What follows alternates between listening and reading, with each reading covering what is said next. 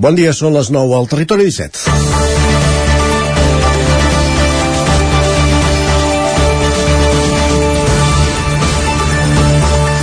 Avui que els conceptes acord de claredat i qüestió de confiança corren per totes les informacions polítiques del país, nosaltres també farem país, però d'una altra manera, posant-hi els peus. Tot el que envolta l'actualitat política, marcada aquesta setmana també pel cinquè aniversari de l'1 d'octubre, ho deixem per divendres. Avui és 28 de setembre, i això vol dir que és la festa major de tot un territori d'aquest nostre territori 17, el Lluçanès. Avui els veïns d'aquest altiplà que reivindica ser comarca però que viu a cavall d'Osona, el Bages i el Berguedà celebren la festa de l'Hostal del Vilà. L'Hostal del Vilà, Sant Agustí de Lluçanès, és ancestralment una cruïlla de camins, ramaders, de transhumància i en un dia com avui, en el retorn de les pastures al Pla, se celebrava històricament la Fira d'Intercanvi de Bestiar.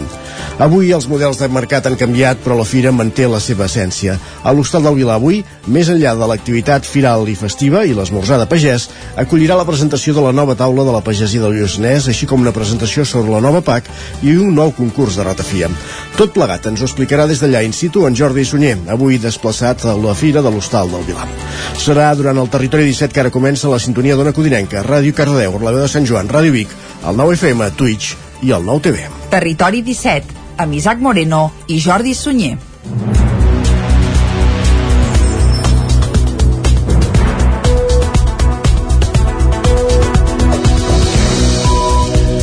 Mig que passa de les 9 del matí. Anirem fins a la Fira de l'Hostal del Vilà avui en diversos moments del territori 17. Abans, però, com cada dia, ara el que toca és posar-nos al dia, actualitzar-nos amb les notícies més destacades de les nostres comarques i ho farem en connexió amb les diferents emissores del territori 17, amb Sergi Vives al 9FM, la Caral Campàs a una Codinenca, l'Òscar Muñoz a la veu de... l'Òscar Muñoz a Radio Televisió Cardeu i ara sí li Contades a la veu de Sant Joan. Repassarem la previsió meteorològica del dia. Ens la costarà un dia més en Pep Acosta. Repassarem les portades dels diaris del dia vull parlar d'aquesta actualitat, del debat, de, del debat del Parlament, del debat de política general, la, després de la primera pausa passarem per l'R3. L'Isaac Montades un dia més recollirà les cròniques dels oferts usuaris del nostre tren de cada dia i, i a partir d'aquest moment sí, eh, connectarem en directe amb Sant Agustí de Lluçanès, amb la Fira de l'Hostal del Villar, eh, hi ha en Jordi Sunyer, que ens explicarà doncs, tots els detalls d'aquesta fira ancestral que cada any es manté cada 28 de setembre i és considerada la festa major de tot el que és el Lluçanès. Uh, com anem fent aquesta temporada els dimecres, arribarà un, un, el torn d'escoltar un nou relat curt, un nou relat del concurs de narrativa curta de la sisena edició del concurs de narrativa curta La Gralla al 9-9 amb el suport la, de la institució Puig Porret. Avui toca el quart finalista de la Saviesa del Diable de Maria Dolors Puig Fonseca de Vigues Riells del Fai. L'escoltarem pels vols de tres quarts de 10 del matí, just abans d'acomiadar aquesta primera hora del programa amb la cançó i arribar a l'equador del territori 17 d'avui 28 de setembre. Ens tornarem posar el dia amb les notícies d'avui dimecres repassarem de nou l'actualitat meteorològica amb Pep Acosta i tornarem a saludar en Jordi Sunyer des de la Fira de l'Hostal del Vilà, Sant Agustí de Lluçanès, per encarar la recta final del programa. Ens acompanyarà un dia més eh, la secció de les piolades, repassant el més destacat que trobem a Twitter. Serà el torn també de parlar amb la Cristina Enfruns, de Llengua, com cada 15 dies aquí al Territori 17, i tot seguit ens arribarà la Marta Simón des de la llibreria Muntanya de Llibres per recomanar-nos algunes novetats editorials avui al Lletra Ferits. Tot és tot el menú del territori 17 d'aquest dimecres, com dèiem, 28 de setembre de 2022. Tot el que fa falta ara és posar-nos en marxa, posar-nos en dansa i ho fem, com dèiem, actualitzar les notícies més destacades de les nostres comarques.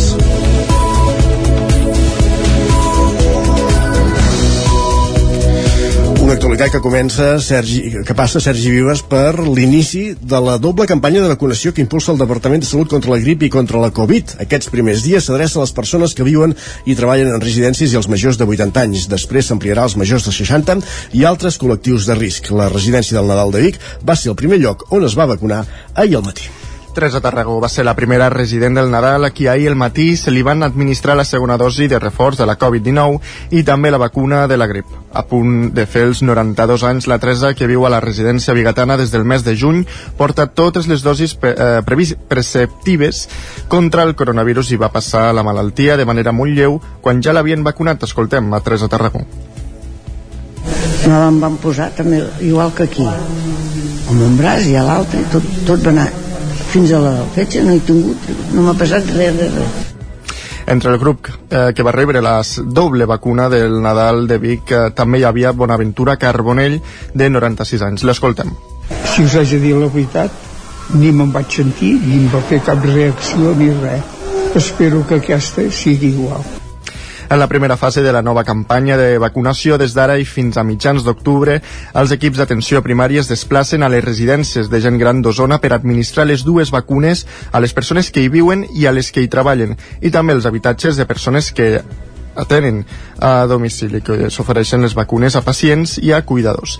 La campanya també s'adreça aquests primers dies al personal dels centres sanitaris i sociosanitaris i a totes les persones de més de 80 anys. Ho explica Marta Palou, directora de l'equip d'assistència primària PIC Nord. I nosaltres hem fet el cronograma i, com nosaltres, extrapolable a la resta d'equips d'atenció primària, contemplant de que aquesta primera, entre aquesta primera i segona setmana tindrem vacunades ja totes les persones que viuen a la residència i gairebé totes les persones que estan en el programa d'atenció domiciliària. Alhora també hem organitzat les agendes als centres d'atenció primària per poder començar a vacunar ja les persones, de fet ja vam començar ahir, majors de 80 anys. A partir del 17 d'octubre es preveu que la vacunació de la grip i la Covid s'obri a les persones d'entre 60 i 79 anys i a les persones de menys de 60 anys que s'inclouen en els grups de risc. En total, la població a qui s'adreça la campanya a Osona és d'unes 50.000 persones. Des del Departament de Salut animen a tothom a accedir a la vacunació, que és voluntària. Imma Cervós, gerent de la regió sanitària Catalunya Central. No tenim pressió a assistència hospitalària, no tenim pràcticament ningú ingressat a UCI, una persona, i per tant uns valors de la, de la Covid confortables però això no vol dir que s'hagi acabat la pandèmia continuem en pandèmia i per això avui iniciem i fem el tret de sortida d'aquesta campanya de vacunació Covid a Osona, des de l'arribada de la vacuna de la Covid, s'ha administrat prop de 350.000 dosis. El 77% de, de persones de la comarca tenen la pauta completa. Més qüestions. Tona ha inaugurat la placeta del record, un espai del poble que ret homenatge a les persones de Tona que van perdre la vida durant la pandèmia de la Covid-19. Diumenge, a l'acte inaugural, l'alcalde Amadeu Lleopard recordava els pitjors moments de la crisi sanitària al poble amb els brots que es van viure a les residències i es van traduir en un nombre destacat de víctimes mortals. Al Parc de la Petanca de Tona, entre els carrers Torres i Bages i Amèrica, ja s'hi ha habilitat la placeta del record, un espai fix que servirà per recordar i reflexionar sobre el cost de la pandèmia que ha tingut sobre els veïns i veïnes del municipi. Una olivera presideix el nou espai dedicat a les persones del municipi que durant la pandèmia van perdre la vida, però també a totes aquelles que van actuar amb responsabilitat. En l'acte inaugural, l'alcalde de Tona, Amadeu Llopart, recordava els pitjors moments de la crisi sanitària del poble, els brots de coronavirus que es van viure a les residències de Tona. Escoltem Amadeu Llopart. Tona hi va haver moltes pèrdues, però també hi va haver molta solidaritat.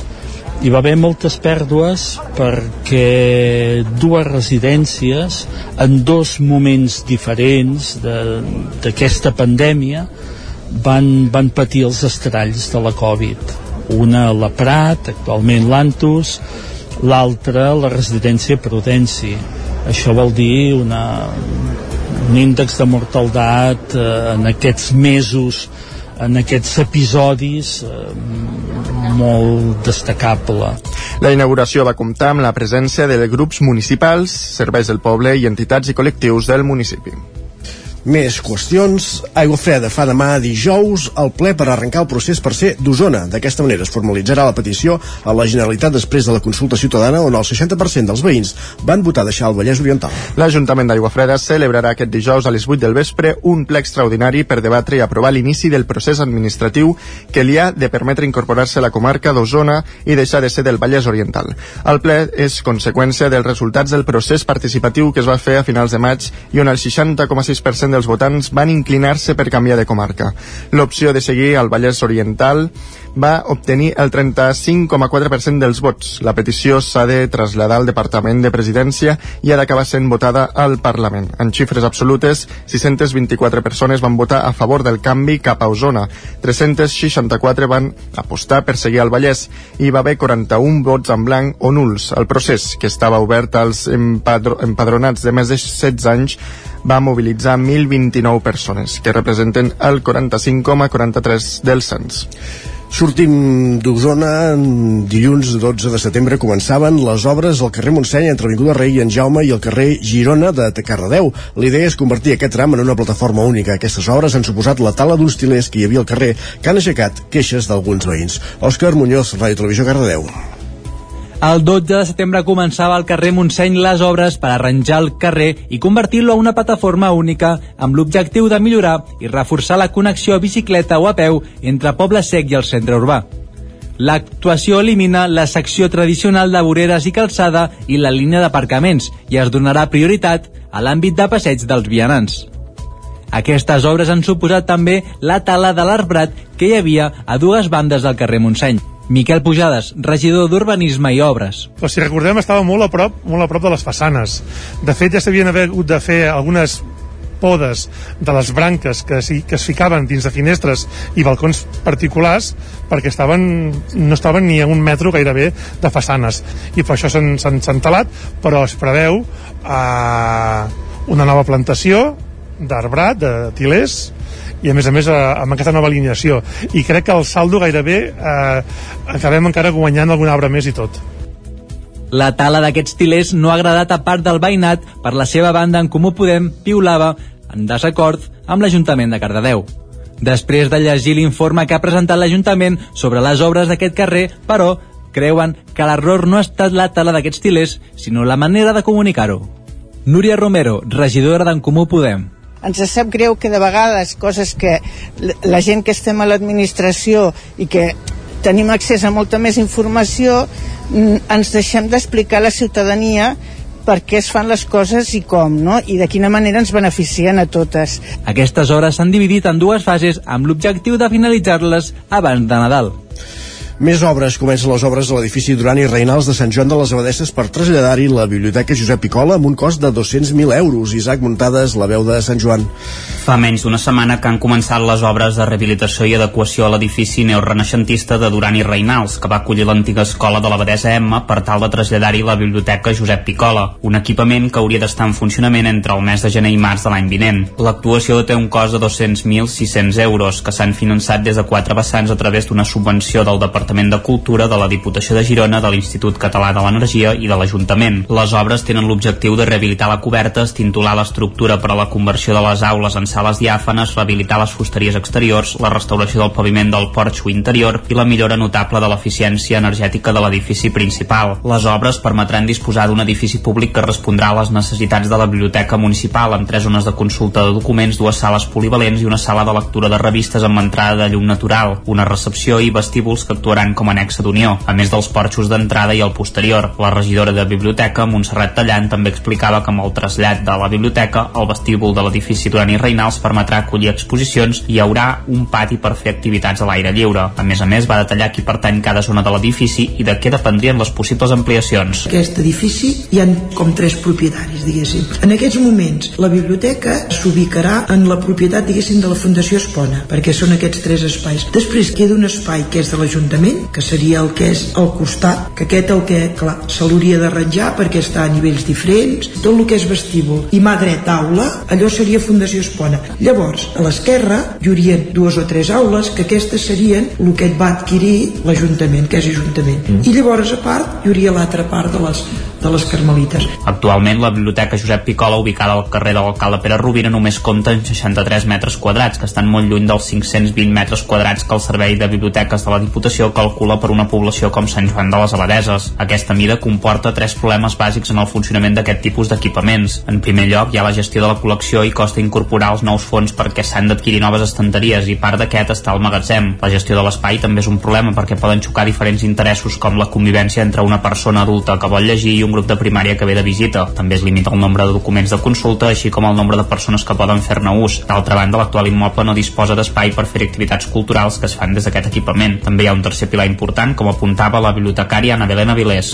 És l'atenció a l'usuari, que s'ha de fer enmig de la sala de consulta, trencant, per tant, aquest ambient de silenci que diem que ha de tenir la biblioteca i al mateix temps impedeix preservar la intimitat que algunes de les consultes mereixen. La nova ocupació disposarà de 325 metres quadrats, dels quals n'hi haurà 250 dedicats a la biblioteca i la resta seran pel vestíbul, així que la intervenció i trasllat a la nova destinació encara no podrà absorbir tot el programa necessari per donar compliment a les prescripcions del Servei de Biblioteques Públiques de Catalunya, però servirà per poder créixer i preparar-se per a la creació de la biblioteca definitiva, ja sigui amb la resta d'edificis del conjunt en una altra ubicació. Aquestes obres, a més de solucionar el problema d'espai de la biblioteca, també evitaran el deteriorament d'aquest edifici construït entre el 1930 i el 1935 sota el mecenatge de Jaume Espona. Gràcies, Isaac. Més qüestions. Anem ara cap al Moianès. El reconegut escriptor Joaquim Carbó serà nomenat fill adoptiu de Castellterçol aquest diumenge a Caral Campàs, Ona Codinenca. La jornada que proclamarà Joaquim Carbó, fill adoptiu de Castellterçol, començarà a dos quarts d'onze a la sala Ferran Miró amb l'obertura de l'exposició dedicada a l'escriptor. A partir de les 11 també tindrà lloc l'acte en què es farà la proclamació de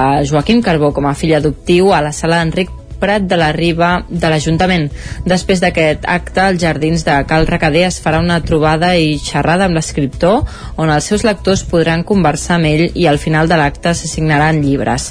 Amb 90 anys, Joaquim Carbó encara escriu llibres a un ritme espectacular després de publicar-ne més de 100. Aquest any ha publicat tres llibres, dos dels quals en parlarà aquest diumenge. Carbó és un dels fundadors de la revista Cavall Fort, va formar part del grup Ofèlia Dracs i va ser un dels primers dirigents de l'Associació d'Escriptors en Llengua Catalana. Passa un minut d'un quart de 10 del matí, més qüestions al territori 17. Tornem a Osona perquè Callatenes ha posat en marxa el pavelló municipal tot i no tenir-lo acabat al 100%. Aquest cap de setmana s'hi ha fet una jornada de portes obertes i de cara a l'octubre ja ha d'acollir els primers partits i activitats. L'equipament es va començar a construir l'any 2006 i ha costat gairebé 4 milions d'euros. El pavelló de Calletanes és com l'obra de la Seu. Es va començar a construir fa més de 15 anys, però no és fins ara que es comença a intuir al final.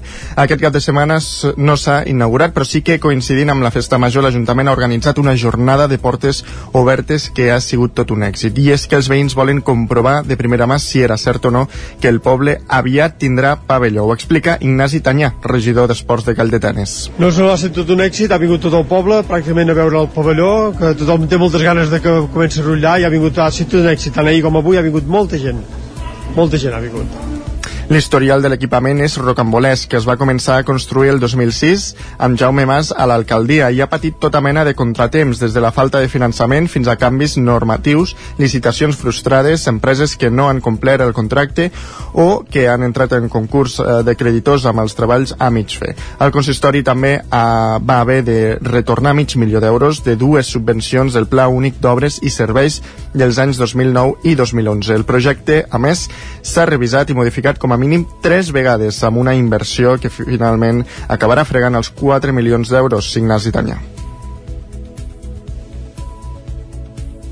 I això entre el concurs de creadors, la falta de, de pressupost, um, hi ha hagut alternatives que es va tindre de triar entre el pavelló i l'institut i lògicament es va triar uh, opció per finançar l'institut en vez del pavelló. Per això ha, ha provocat això que estigués molts anys parat uh, han vingut subvencions s'ha anat fent mica en mica i, però finalment ja veiem que hem arribat al final. Ara ja es veu al final del túnel ja, ja tenim, el tenim a tocar ja per acabar de tenir el pavelló llest, falta el gimnàs, les cistelles de bàsquet, cortines, divisòries o miralls i altres elements dels vestidors, tant exteriorment com a portes endins, però el gran gruix de l'obra està acabada. Els primers enfeus del pavelló seran els clubs de patinatge i voleibol de Caldetenes. A, a partir de l'any que ve s'obrirà també activitats comercials i culturals i a peticions d'altres municipis veïns que, com Vic, Gurb o Santa Eugènia, van faltats d'hores de pista. Acabem aquí aquest repàs informatiu que començàvem al punt de les 9 en companyia de Sergi Vives, Isaac Muntades, Caral Campàs i Òscar Muñoz. Moment de conèixer la previsió del temps.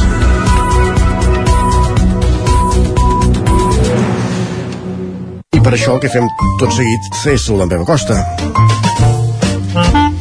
Casa Terradellos us ofereix el temps. Pep, ona codinenca, quin temps farà les properes hores? Bon dia. Bon dia a tothom. Espero que hagi començat molt bé aquest dimecres eh, 28 de setembre ja d'aquest 2022 eh, mireu que ràpid ha passat el mes mireu com va passant de pressa també la setmana eh, van passant tot molt de pressa eh? tot passa molt i molt de pressa i aquí l'espai del temps espero que us passi eh, a poc a poc espero que us passi a poc a poc perquè gaudiu de la informació gaudiu del que ens està passant aquests dies i gaudiu també del temps que es preveu en el futur i fins i tot en el, en el passat.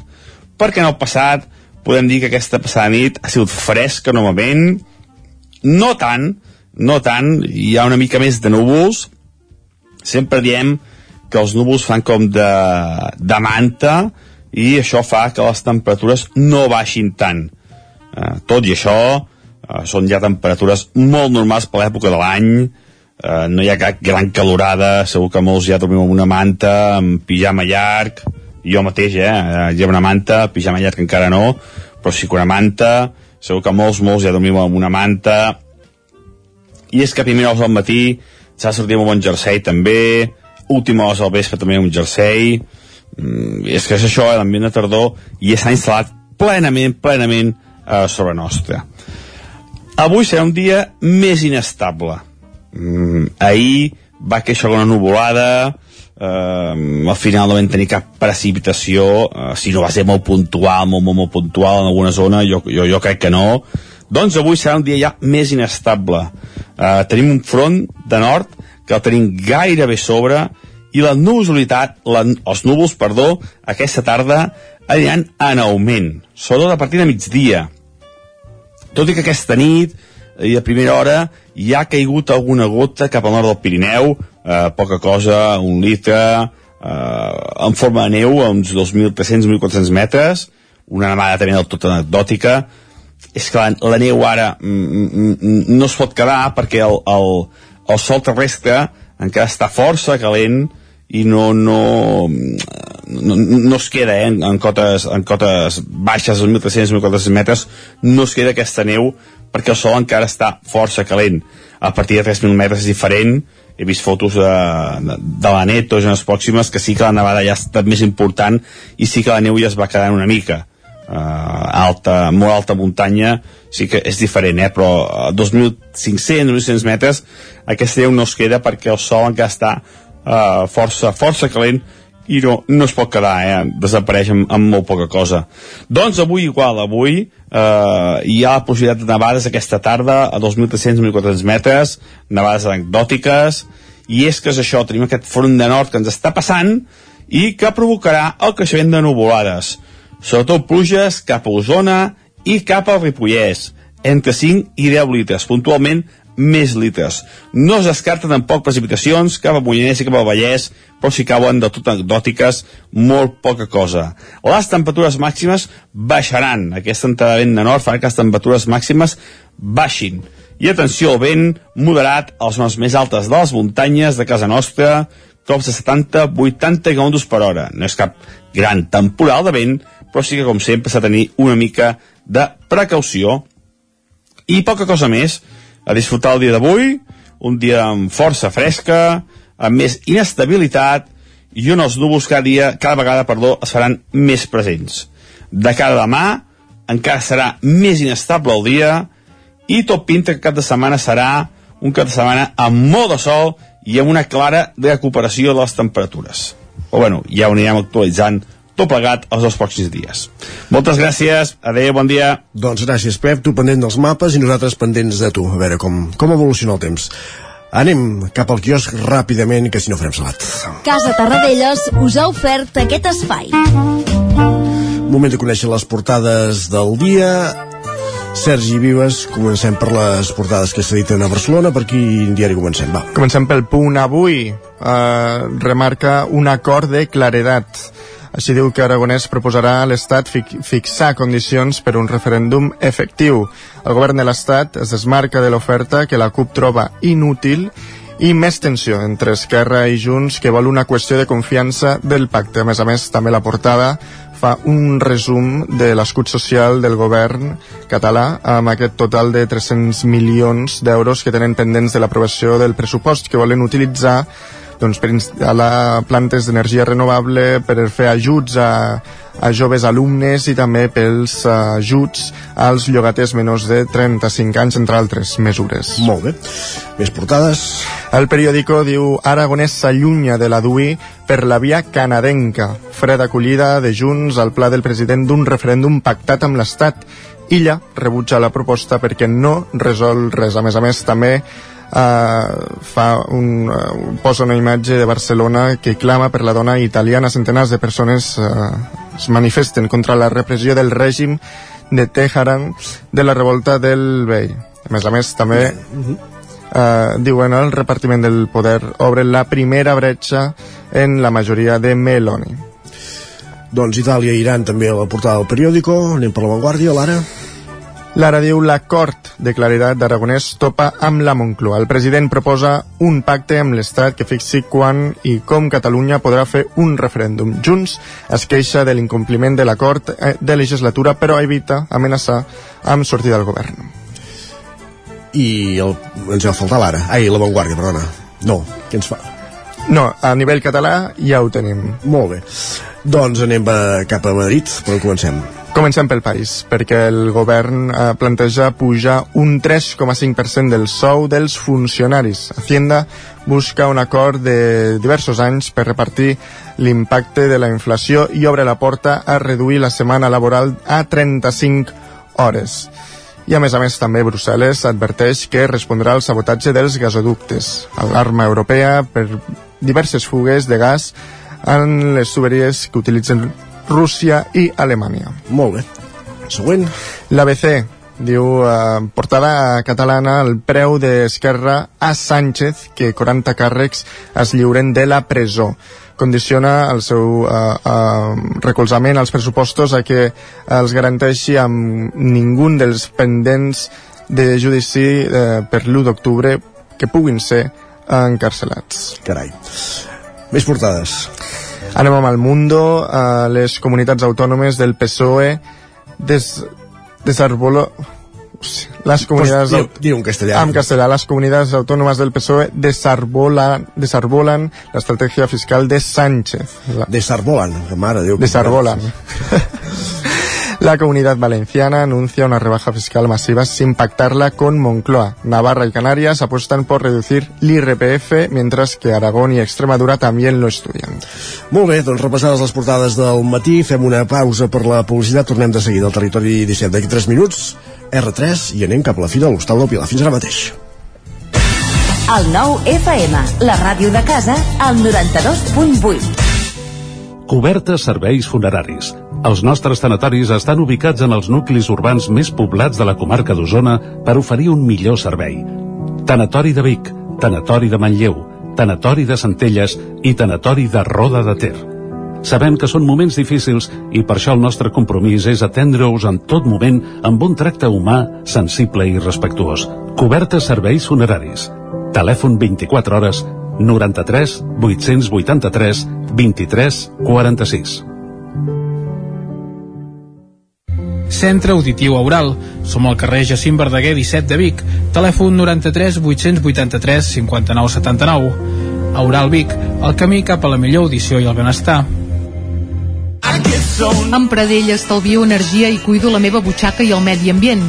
Posa't en mans a Pradell, són experts en calderes de gas i condensació, estufes de pèl·let, energia solar, terres radiants i geotèrmia.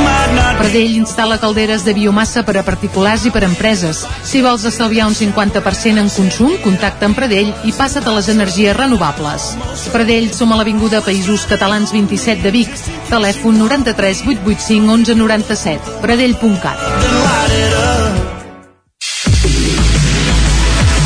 El diumenge 9 d'octubre tornen els bolets a ceba. 24a edició de la Festa del Bolet, una de les fires de referència pel sector boletaire a Catalunya. Hi trobaràs les tradicionals parades de productes relacionats amb els bolets, festeig i exposicions, activitats i actuacions i l'esperat concurs de bolets. Vine a la 24a Festa del Bolet de Ceba. Més informació a ceba.cat. A Deportec estem especialitzats en el tractament d'aigües residuals i el tractament de purins.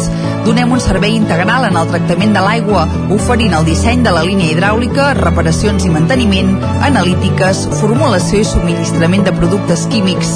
Ara a Deportec et podem ajudar a obtenir un gran estalvi energètic en la deshidratació de fangs, oferint-te un sistema innovador, el Depordisc. Deportec, ens trobaràs al carrer de la Fusteria 22, al polígon de les Gaules, a Tona. Cocodril Club. Si t'agrada la bona música dels anys 60, 70 i 80, escolta el 9 FM als matins de dissabtes i diumenges d'11 a 1. És el temps del Cocodril Club, tot un clàssic de la ràdio, amb les bases del pop-rock, les llegendes, les cançons que s'han convertit en autèntics himnes. Recorda, dissabtes i diumenges al matí, d'11 a 1, al 9 FM 92.8. Cocodril Club, el programa revival de l'Albert Malla. Hasta luego, cocodrilo. El 9 FM, la ràdio de casa, al 92.8.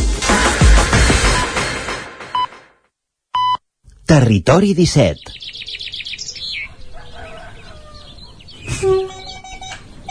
A Tren d'Alba.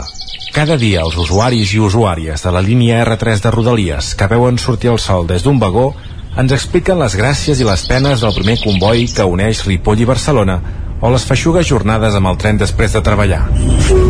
Thank you. Benvinguts a Tren d'Alba. Han passat uns dies, però no m'he oblidat que la setmana passada va haver-hi la cursa de transports d'Osona organitzada per l'Associació per la Promoció del Transport Públic. I el guanyador va ser el cotxe, que només va trigar un quart d'hora en completar el recorregut entre l'estació de tren de Torelló i la plaça Fra Bernadí de Manlleu. Tot i ser el més ràpid, el cotxe convencional amb motor de combustió dièsel tenia diversos inconvenients, i és que el conductor va haver de pagar per aparcar a la plaça Fra Bernadí, un fet que la bicicleta o el tren no els hi calia. A més, era el vehicle que més va contaminar emetent diòxid de carboni, òxid de nitrogen i partícules PM10. La bicicleta convencional va trigar 16 minuts anant per la carretera de la Miranda i la bicicleta elèctrica 36 minuts per anar per un recorregut de camins rurals perquè no existeix un itinerari paral·lel adequat. La combinació de tren i bicicleta va tardar 18 minuts i el que es va moure amb autobús va arribar l'últim.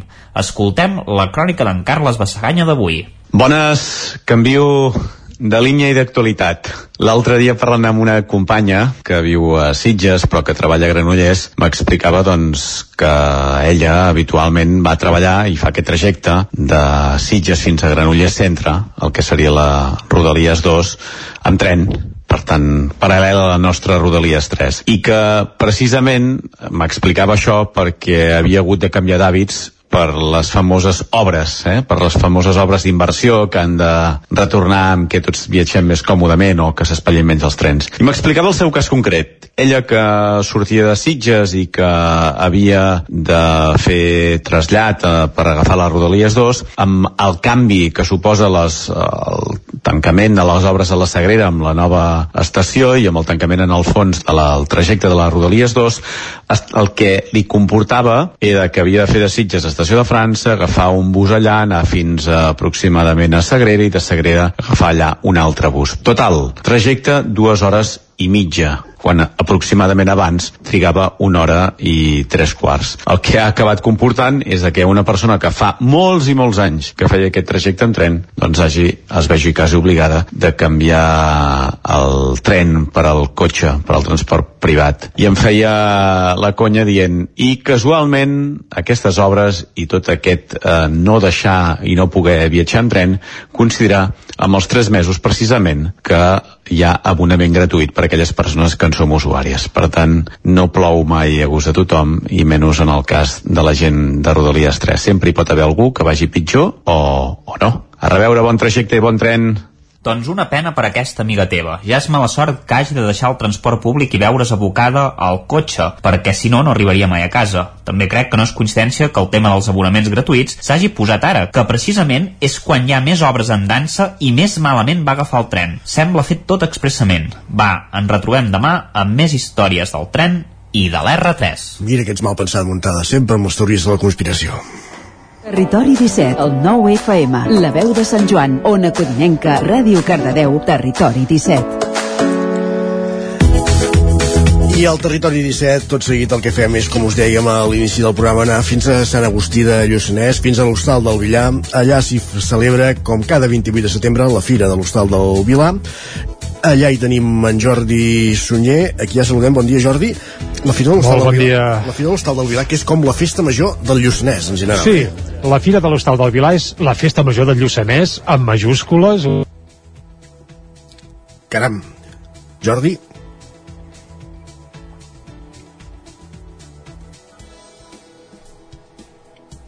Intentem recuperar la connexió de seguida amb en Jordi Sunyer, com dèiem, desplaçat a la Fira de, de l'Hostal del Vilar, a Sant Agustí de, de Lluçanès, per conèixer els detalls d'aquesta fira que se celebra avui a, en aquest indret de, de les nostres comarques i que, com dèiem, és la, la festa major de, del Lluçanès, de tot aquest territori.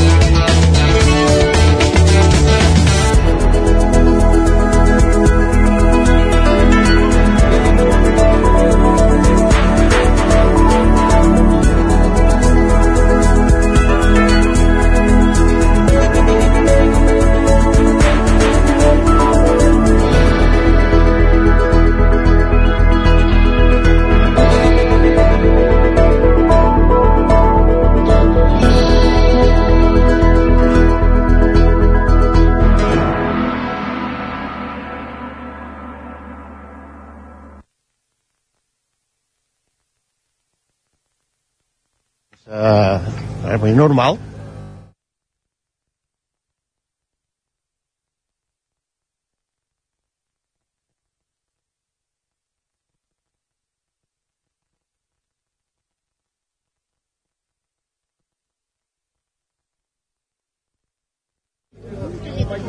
Aviam, cas un dia. Ara sí que et sentim, Jordi. Ara sí, val, hi ha hagut algun accident bé a Lluçanès, no sé si és la comarca amb més cobertura del Principat, sembla que potser no, Uh, podem seguir doncs, conversant amb Josep Pujol amb qui comentàvem això, primer de tot la fresca que fa i segon, celebràvem que després de dos anys amb entrebancs per culpa de la pandèmia la Fira de l'Hostal del Vilar aquest any torna amb tot el seu esplendor, oi? torna amb tot el seu gran esplendor i moltes ganes de la gent de sortir i mira, per cert, ja surt el sol, eh? Sí, uh, una ulladeta de sol, allò que dèiem, ja està bé, ja està bé. Vull dir que perfecte, un, el 100% tornem a estar. Per qui no conegui la Fira de l'Hostal del Vilar, què s'hi pot trobar eh, i què s'hi trobarà això? La gent que sigui a Tansi, recordem que dura tot el dia, per tant encara hi sou a temps de treure-hi el cap. Què, què hi ha a la Fira? A la Fira que hi ha, no, et suposa que em deixem moltes coses, perquè si podem començar amb l'artesania, a bestiar, una mostra de bestiar, perquè avui dia és molt complicat portar gaire bestiar, maquinària agrícola, ramadera, eh, parades de tot tipus, formatges embotits, eh, roba, eh, el famós ganivets, ganivets, que hi ha una parada que fa més de 100 anys que ve amb ganivets, que és el ferrer, el Terri Cabres de Torelló, aquest és el més antic, bueno, I com bé deia l'Isaac eh, abans des de Vic, eh, la Fira de l'Hostal del Vilar és l'autèntica festa major del Lluçanès. Aquí hi ha tota la comarca, eh? hi ha tota la comarca, bueno, la festa major no dic festa major, la fira la fira més important del Lluçanès crec que sí, eh?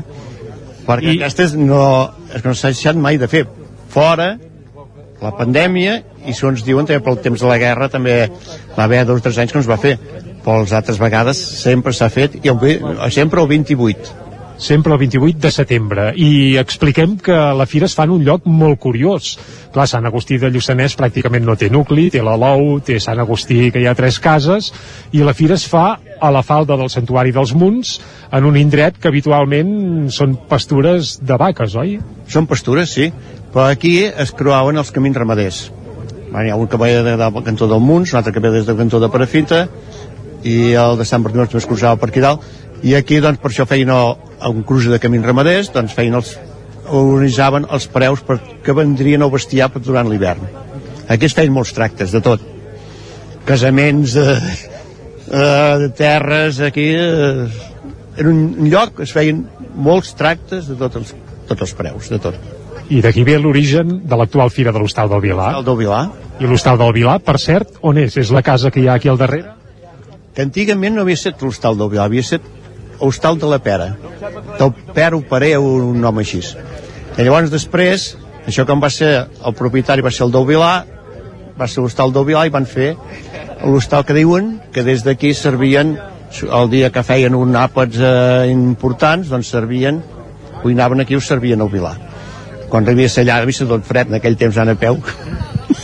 Més coses, tornem a la fira, va, sabem que és una fira multisectorial, que hi ha una mica de tot i també hi ha activitats paral·leles. Per exemple, avui també tindreu durant el matí unes xerrades a l'entorn a, la a la política agrària comunitària, que és un tema que afecta i molt al sector de la pagesia, sobretot de Lluçanès, on encara està molt viva i arrelada. Ah, de què anirà la xerrada? La xerrada ja sobre la nova reforma de la PAC, no sabem què ens explicaran, això que dius de, que està molt arrelada a la pagesia, la pagesia s'està acabant, eh? Els polítics no, no fan res. Vull dir, em sembla que els interessi que, que, que els pagesos desapareixin, els fan desaparèixer la política que porten, si no canvien. Jo penso que podria dir una cosa que no hauria de dir-ho. Digue-la, digue-la. Eh, el que volen és cosa molt grossa, que la paperassa ja la portin tota, i llavors deixaran quatre que tinguin quatre cabres i quatre borriqueries tonteries que no sé com viuran. Això és el meu punt Vaja, eh? que l'empresa agrària familiar de tota la vida està en perill d'extinció. Està en perill d'extinció. Quasi extingida ja, eh? Esperem, esperem que, que no s'acabi d'extingir perquè segurament eh, esdeveniments com l'actual Fira de l'Hostal del Vilan no, tindria, no tindrien cap sentit sense aquesta pagesia de sempre. Per això ho trobem a faltar, eh? Aquesta pagesia. Perquè som els organitzadors, que érem quasi tots pagesos, ara jo quasi no puc ser ni organitzador encara, ja perquè estic molt, ja estic a les últimes, no? No serà tant, no? Sí, home, l'edat que tinc ja no... Home, Josep, fa molt que sou alcalde de Sant Agustí també, eh? Uh, Deixeu-me fer obrir un parèntesi, l'any que ve serà any electoral, sí. us tornareu a presentar, no? Ah, espero que no. Ah, no? No, si, si, si trobo relleu, no. Bé, ja tenim un... un... Jubilar, ara he de jubilar-me, eh? Els alcaldes i els pagesos ja diuen que no jubilen mai, eh? però vaja. Uh, seguim i tornem a la fira, Josep. Uh, parlàvem d'alguna de les activitats paral·leles, una xerrada a l'entorn de la PAC. Uh, aquest any també n'estreneu una d'activitat que no s'ha fet mai en, en els més de 100 anys de la Fira de l'Hostal del Vilà, que és un concurs de ratafia. Ratafia. Sí, bueno, va això des del Consorci, ho van proposar i dic, ah, estaria bé, fem-ho. I ja si té èxit, doncs per anar fent una cosa i anar continuant. I mira, engrescar la gent que fa ratafia. Aquí el Lluçanès està molt arrelada, la ratafia també? Els que en fan, particulars que en fan, que no sé si presentaran la seva ratafia. En feu a casa, vosaltres? Ha estat el primer any que la dona n'ha fet. No en havien fet mai. I aquest any la meva dona em va fer però per casualitat, eh? I, i ara no sabia si emportar-nos perquè aquest, aquest matí diu, què?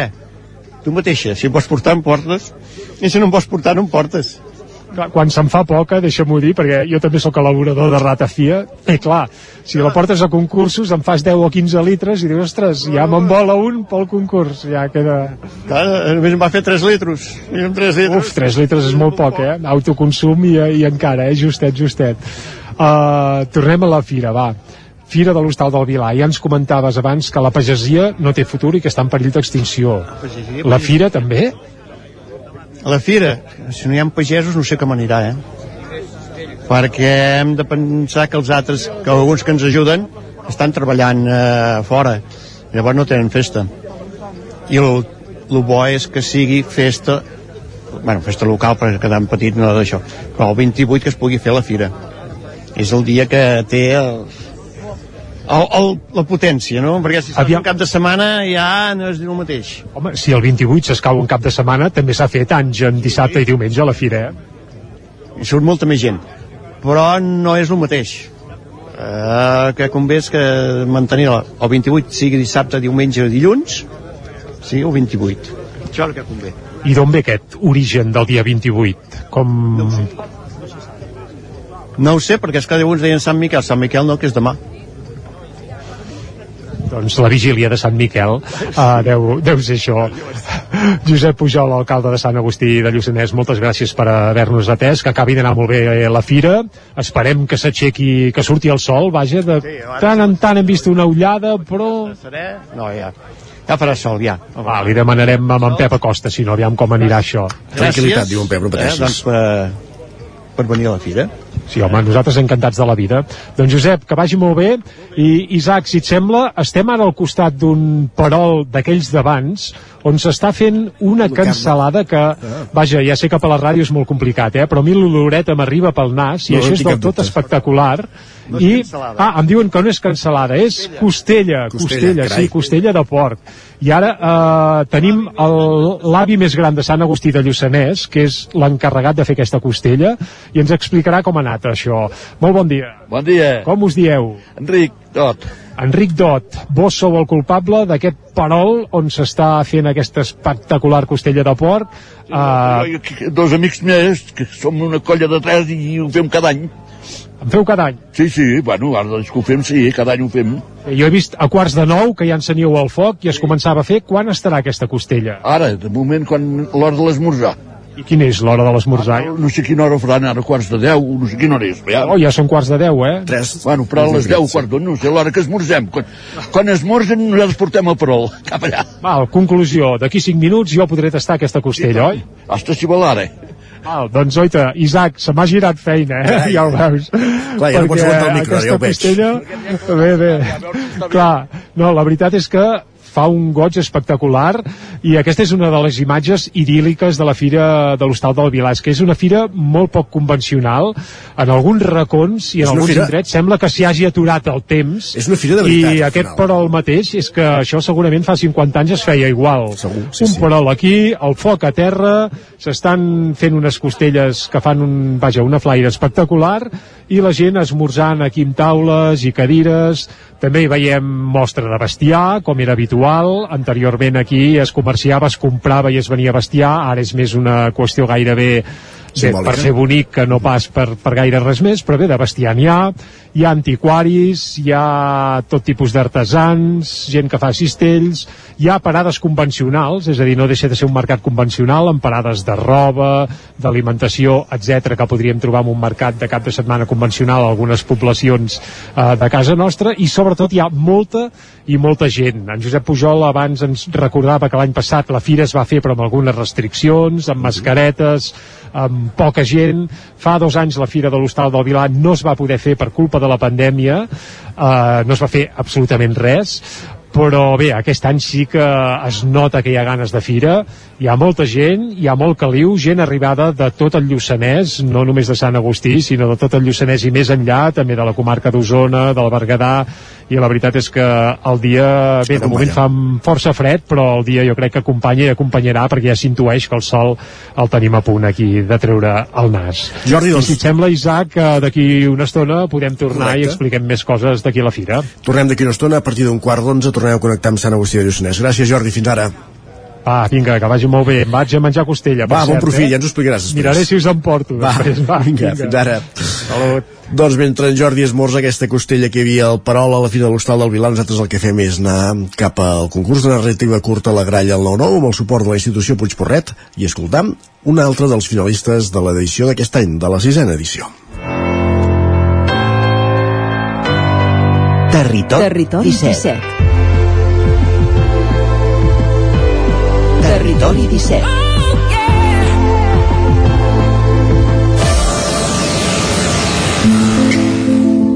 Sisè Premi de Narrativa Curta a la Gralla al 9-9, amb el suport de la institució Puigporret.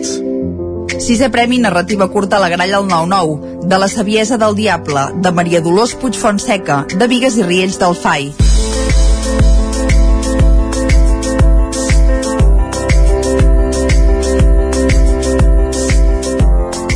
Hi havia al poble dos avis veïns. Un era l'avi Sagimon, home molt devot, i l'altre era l'avi de Camp Pollancre, que, totalment al contrari, no era gens de devot, a jutjar pels renecs que engegava tort i a dret. Amb dos eren vidus. Els fills ja s'havien casat i vivien no gaire lluny. No passava dia que l'avi Sagimon s'escandalitzés quan sentia parlar el seu veí. Tot eren me cago en aquí, me cago en allà, improperis i paraules malsonants llançades contra alguns veïns del poble, persones de bé que certament no ho mereixien. Altres vegades era alguna dona la que rebia floretes no precisament gentils. Si es trobava padrines que corrien cap a missa, vestides de negre i amb els caps coberts de mantellines, deia ben alt, perquè el sentissin. Quina pedregada de velles! I reia, ben fort. Mentre que la resta de vilatans no deixaven de sentir vergonya aliena. I això encara ho podia suportar l'avi Sagimon. El que no podia sentir eren els pecats contra Déu Nostre Senyor, la seva Santa Mare i algun sant que li venia a la memòria. Els renecs de l'avi de Camp Pollancre se li ficaven al cap i el sentia ressonant al seu cervell una i altra vegada, com en un malson, mentre que l'altre amb la consciència ben tranquil·la, seguia feinejant per l'hort com si res. Els horts d'ambdues cases tocaven paret per paret. A l'avi Sagimon li agradava, cap al tard, sortir a regar els enciams, petar algun tomàquet i arrencar una ceba tendra per sopar. Li era un moment de repòs després d'una llarga i dura jornada al camp. L'hortet era petit i endreçat, i corria una brisa lleu. A ponent el cel s'anava enrogint, mentre que a llevant començava a sortir alguna estrella. Aus nocturnes trencaven el silenci. Ratpenats caçaven mosquits i cargols llauraven per la tanca, revifats per la frescor del moment, deixant un camí daurat rere seu. Era un lloc on s'hi trobava bé. Però si el seu veí també era a l'altra banda de la tanca, tot l'encís del moment desapareixia i el bon home s'afanyava a entrar a casa, per no sentir-lo, i tancava portes i finestres. L'avi de Campollancre conreava precisament una terra propietat del seu veí, a les afores del poble.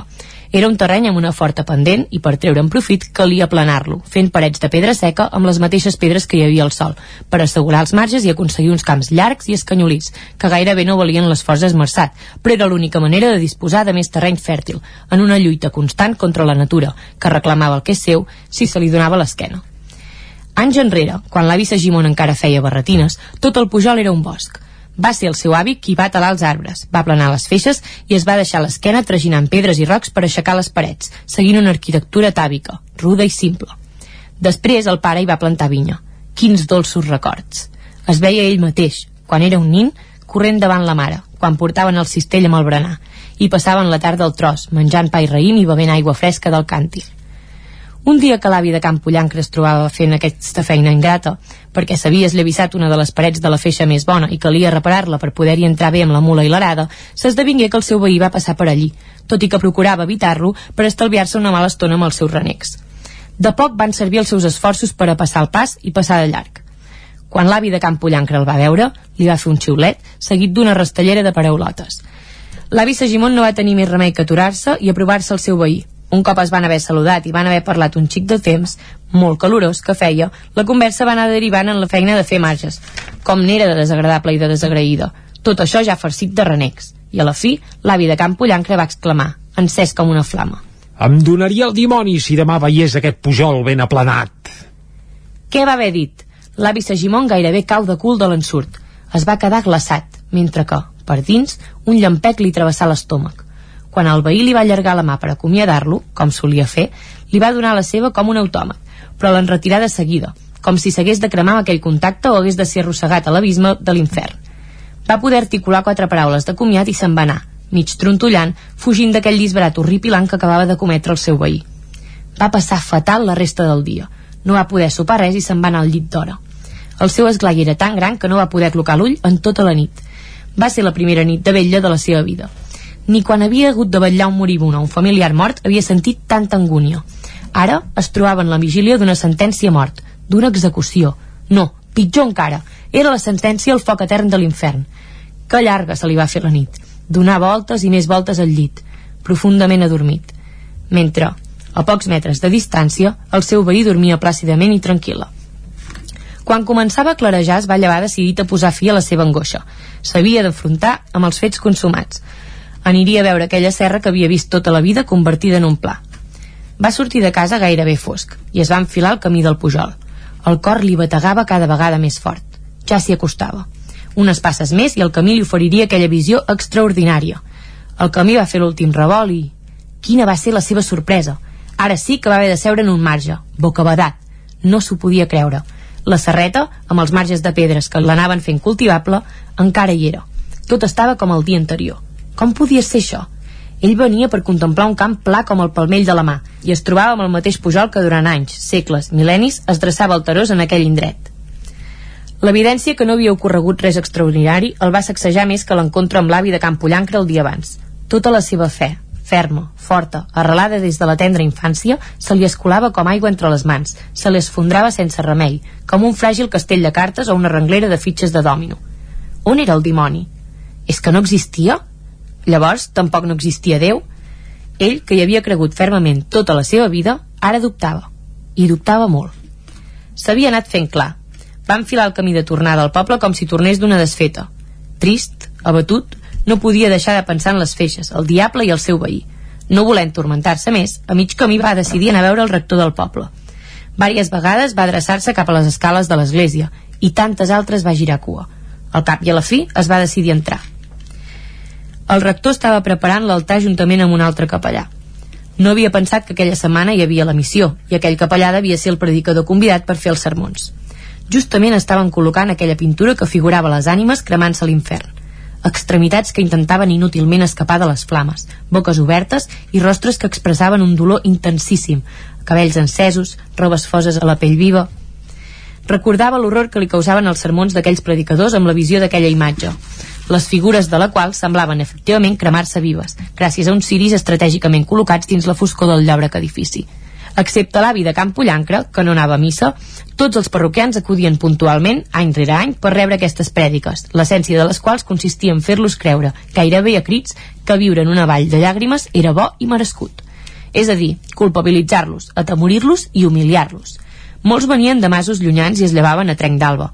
Tant era que plogués o fes fred, i encara deixaven el moina, que no era precisament per als pobres. No es va veure mesma de quedar-s'hi. No els podia exposar el cas. Encara amb el mossèn hagués gosat parlar, però el predicador li feia massa respecte.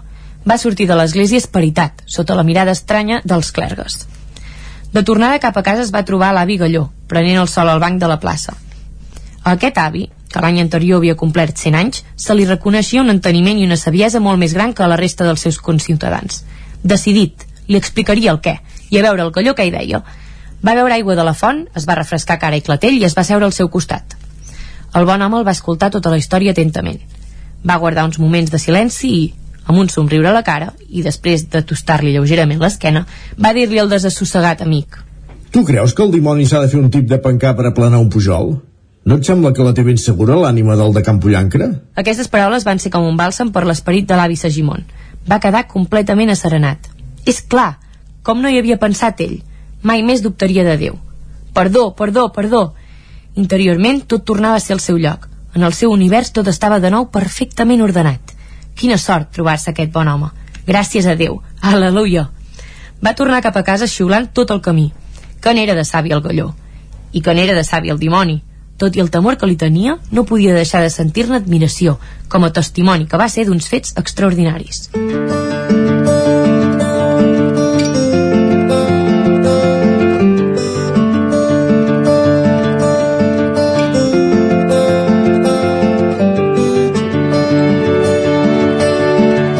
De la saviesa del diable, de Maria Dolors Puig Fonseca, finalista del sisè Premi de Narrativa Curta a la Gralla al 9-9, amb les veus de... Júlia Danés i Jordi Sunyer. Sisè Premi de Narrativa Curta a la Gralla al 9-9, amb el suport de la institució Puigporrets.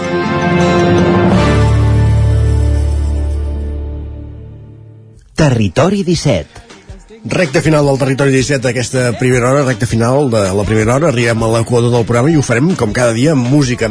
Avui la cançó del dia ens porta fins a Granollers, fins al Vallès Oriental, fins, de fet fins a Vall, Vallgorguina, per escoltar la Yanissei. És una noia que amb 8 anys va arribar a Granollers procedent de Cuba, que ha participat en diversos concursos de, de veu, com La Voz, Antena 3, o a dues veus a TV3, on va arribar a ser finalista, i avui escoltem una adaptació que fa al català d'una de les seves cançons més populars, Move Your Swag, eh, cantada en català, l'estrenada aquesta setmana, i Anisei Martínez, i amb ella arribem fins al punt de les 10 aquí a Territori 17.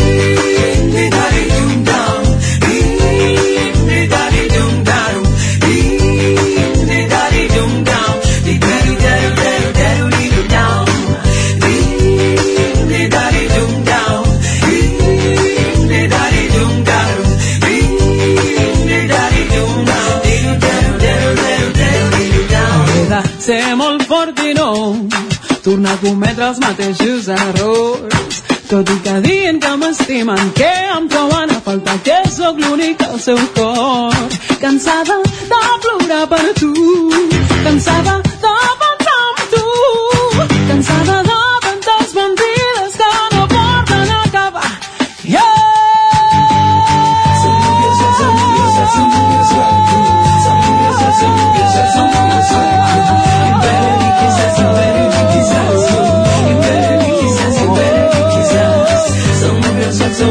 like some movies like you.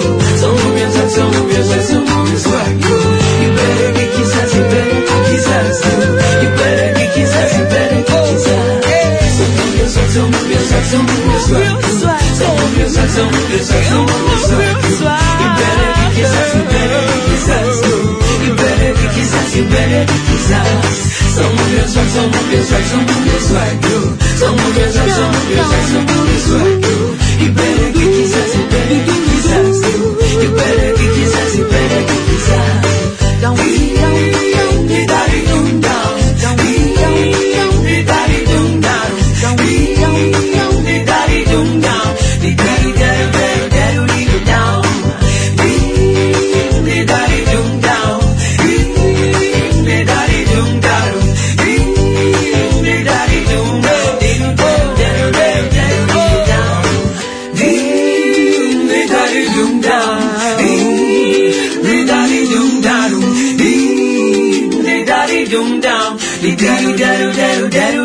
dum, ding de daddy dum dum, ding de daddy dum darum, ding de daddy dum dum, de deru deru deru deru deru dum.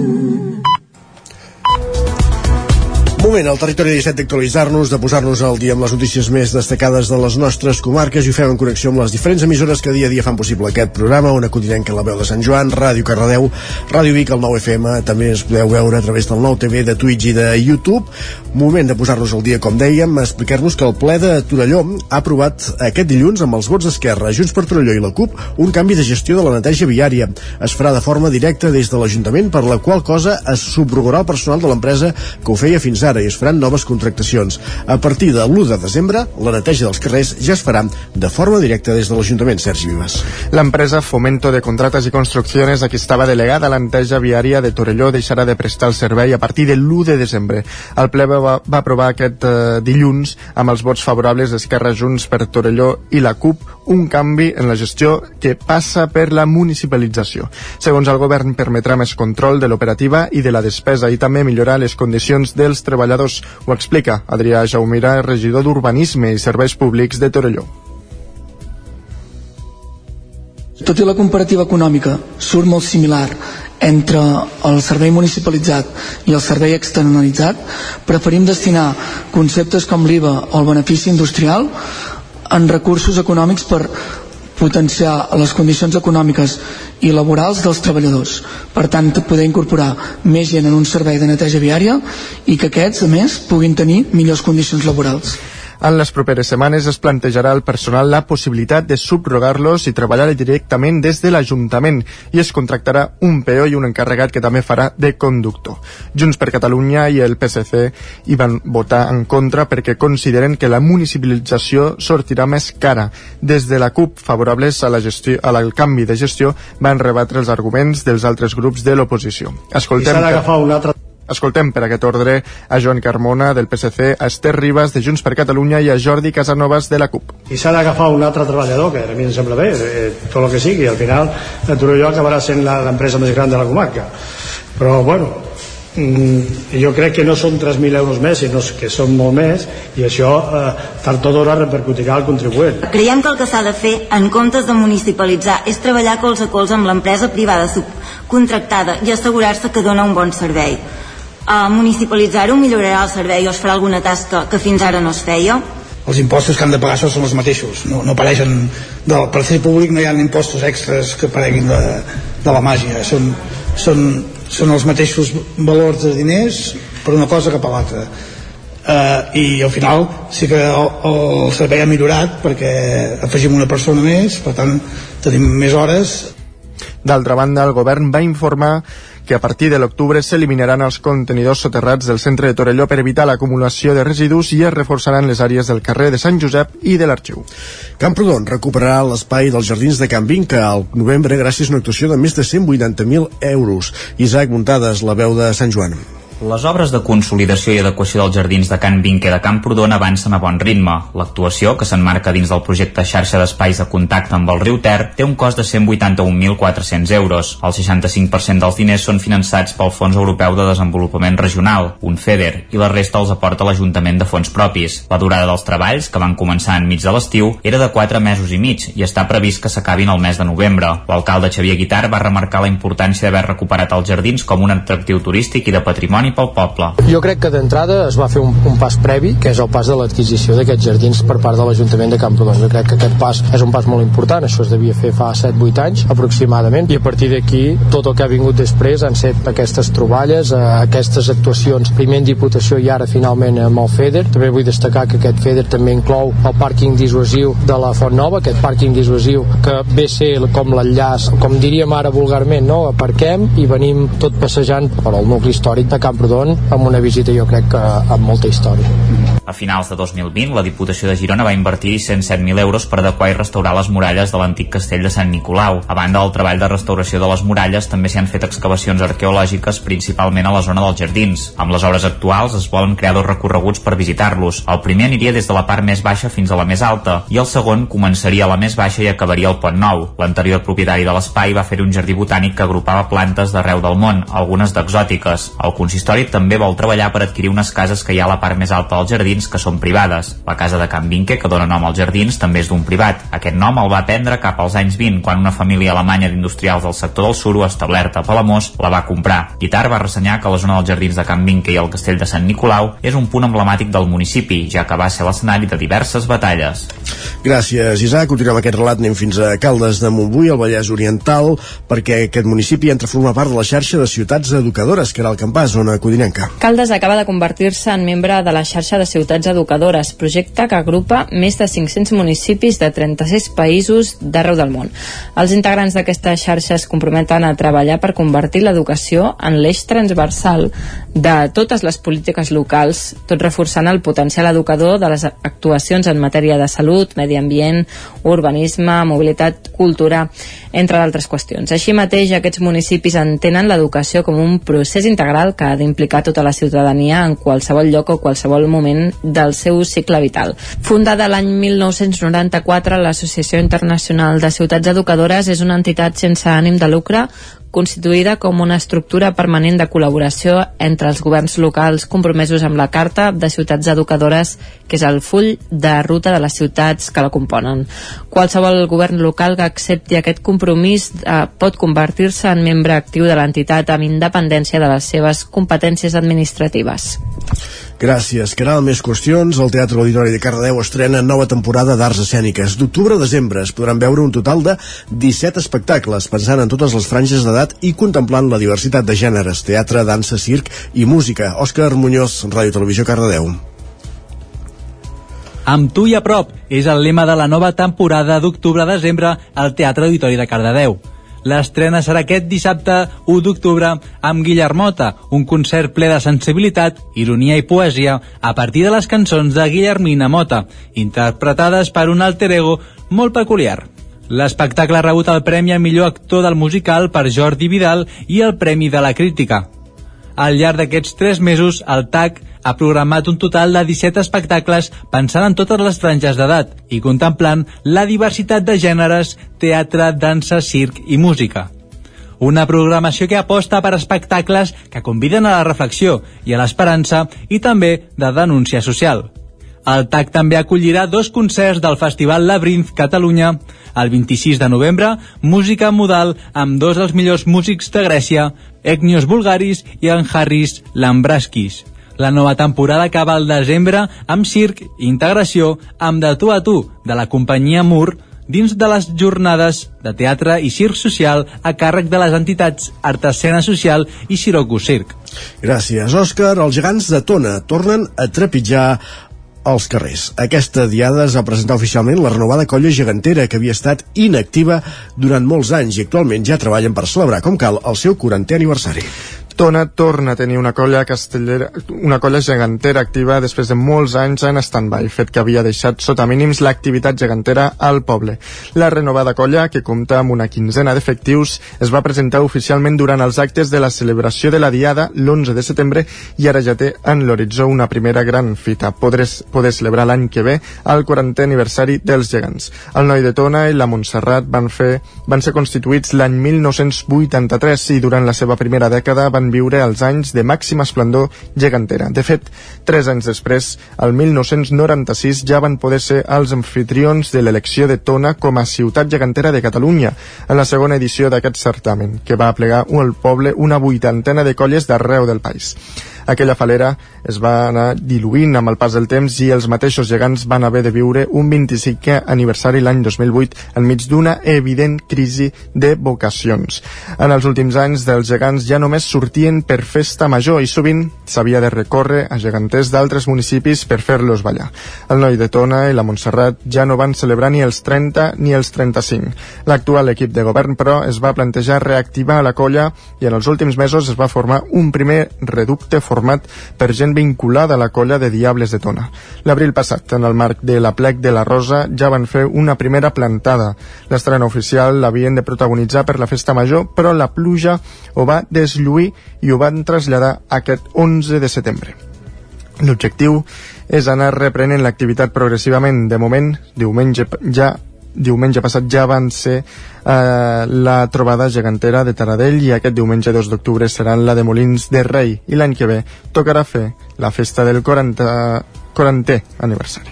Doncs Tona que recupera els gegants, més qüestions Mitja dotzena de municipis han protagonitzat l'últim cap de setmana de festes majors a Osona, que malgrat l'amenaça de pluja s'han hagut de viure amb intensitat. En el cas de Roda de Ter, la festa coincidia amb el 70è aniversari també, precisament, dels gegants i el cinquè de la colla de Diables. Aquest cap de setmana, Roda de Ter ha viscut en plena normalitat una concorreguda festa major amb protagonisme especial per la cultura popular local. Tot va començar dijous amb el pregó de la mestra Esther Coromines. Divendres va tenir lloc diferents activitats, entre elles la tarda urbana, un acte protagonitzat protagonitzat per la Comissió Jove del municipi i que és el segon any que es celebra. Ho explica Júlia Martí, membre de la Comissió Jove de, to de Roda de Ter. Mira, la tarda urbana va sorgir l'any passat, que vam començar a fer la primera festa major jove, i la idea era una mica que la gent del poble els agrada molt el rap, també tenim un col·lectiu de sound system, doncs la idea era que oh, tots aquests col·lectius que no estaven involucrats normalment a la festa major o tinguessin un espai per poder-se reivindicar una mica en previsió del mal temps, tant els concerts de barraques com els de la Festa Major Jove. Entre aquests, la tarda urbana es van reubicar a la carpa municipal i a la sala polivalent de les Masies de Roda, un canvi d'emplaçament que no els va restar convocatòria. Qui també va canviar d'espai van ser les sardanes, en un, en que en un principi s'havien de fer a la plaça Major i es van acabar fent a la porxada de Can Planoles, un canvi que la mateixa Cobla agraïa. Escoltem Enric Estrada, músic de la Cobla, ciutat de Girona. Home, jo trobo millor aquí, sempre és més agradable tocar aquí perquè és més recollit. A Vall hi havia molta gent, hi havia l'espectacle infantil, suposo que la gent, bueno, ens haguessin solapat una activitat amb l'altra. Aquí suposo que el públic que vindrà serà el públic de, de sardanes i allà estava el públic de, de mainada de, per l'espectacle infantil. És millor canviar l'ubicació i així tenim cadascú el nostre públic i no ens solapem ni, ni ens hi fem mal. La festa major va continuar durant el cap de setmana amb un concert familiar de The Penguins, el ball de l'Orquestra Maravella i la jornada castellera amb els Sagals d'Osona i els Xerrics d'Olot. Tot això en una festa major que va coincidir amb el 70è aniversari dels gegants de Roda que s'acabarà celebrant el proper 22 d'octubre. I també ens celebrarà la festa major Sant Pere de Torelló on el programa d'actes es va tancar dilluns amb l'espectacle L'Hom Orquestra d'en Peyu, que va omplir el pavelló.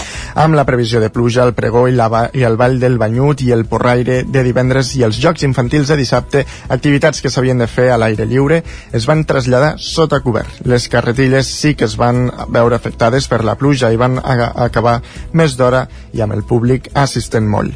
Les propostes de nit del Chiringuito, que aquest any s'ubicava a l'envelat del Polvorí, també van tenir molt bona acollida pel públic. El barri verd, el del Porraire, s'ha imposat en la batalla de barris que l'enfronta al barri blau, el del Banyut. La festa va acabar dilluns al vespre amb el pavelló municipal ple de gom a gom per seguir l'espectacle L'Home Orquestra d'en Peyu.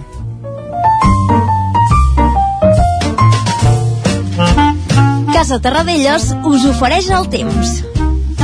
I ja sabeu, la previsió del temps és cosa d'en Pep Acosta, qui ja saludem. Pep, bon dia de nou. Bon dia a tothom. Avui serà un dia més inestable. Carai. Mm, ahir va queixar una nuvolada, eh, al final no vam tenir cap precipitació, eh, si no va ser molt puntual, molt, molt, molt puntual en alguna zona, jo, jo, jo crec que no. Doncs avui serà un dia ja més inestable. Eh, tenim un front de nord que el tenim gairebé sobre i la nubositat, la, els núvols, perdó, aquesta tarda aniran en augment, sobretot a partir de migdia. Tot i que aquesta nit i a primera hora hi ha caigut alguna gota cap al nord del Pirineu, eh, poca cosa, un litre, eh, en forma de neu, a uns 2.300-1.400 metres, una nevada també del tot anecdòtica, és que la, la neu ara mm, mm, mm, no es pot quedar perquè el, el, el sol terrestre encara està força calent i no, no, no, no es queda eh, en, en, cotes, en cotes baixes, 1.300-1.400 metres, no es queda aquesta neu perquè el sol encara està força calent. A partir de 3.000 metres és diferent, he vist fotos de, de, de la net o zones pròximes que sí que la nevada ja ha estat més important i sí que la neu ja es va quedant una mica uh, alta, molt alta muntanya sí que és diferent, eh? però a 2.500-2.600 metres aquesta neu no es queda perquè el sol encara està uh, força, força calent i no, no es pot quedar, eh? desapareix amb, amb molt poca cosa. Doncs avui igual, avui eh, hi ha la possibilitat de nevades aquesta tarda a 2.300-1.400 metres, nevades anecdòtiques, i és que és això, tenim aquest front de nord que ens està passant i que provocarà el creixement de nuvolades, sobretot pluges cap a Osona i cap al Ripollès, entre 5 i 10 litres, puntualment més litres. No es descarta tampoc precipitacions cap a Mollanès i cap al Vallès, però si cauen de tot anecdòtiques, molt poca cosa. Les temperatures màximes baixaran. Aquesta entrada de vent de nord farà que les temperatures màximes baixin. I atenció al vent moderat a les zones més altes de les muntanyes de casa nostra, cops de 70-80 km per hora. No és cap gran temporal de vent, però sí que, com sempre, s'ha de tenir una mica de precaució. I poca cosa més, a disfrutar el dia d'avui. Moltes gràcies. Adéu, bon dia. Doncs a disfrutar el dia d'avui. Gràcies, Pep, moltíssimes gràcies i tornem demà amb més informació meteorològica, ja parlant més de cara de setmana i avui, com deies, inestabilitat. Tot seguit, tornem a la fira de l'Hostal del Vilà, cap a Sant Agustí de Lluçanès. Casa Tarradellas us ha ofert aquest espai. Territori 17, el 9 FM, la veu de Sant Joan, Ona Codinenca, Ràdio Cardedeu, Territori 17.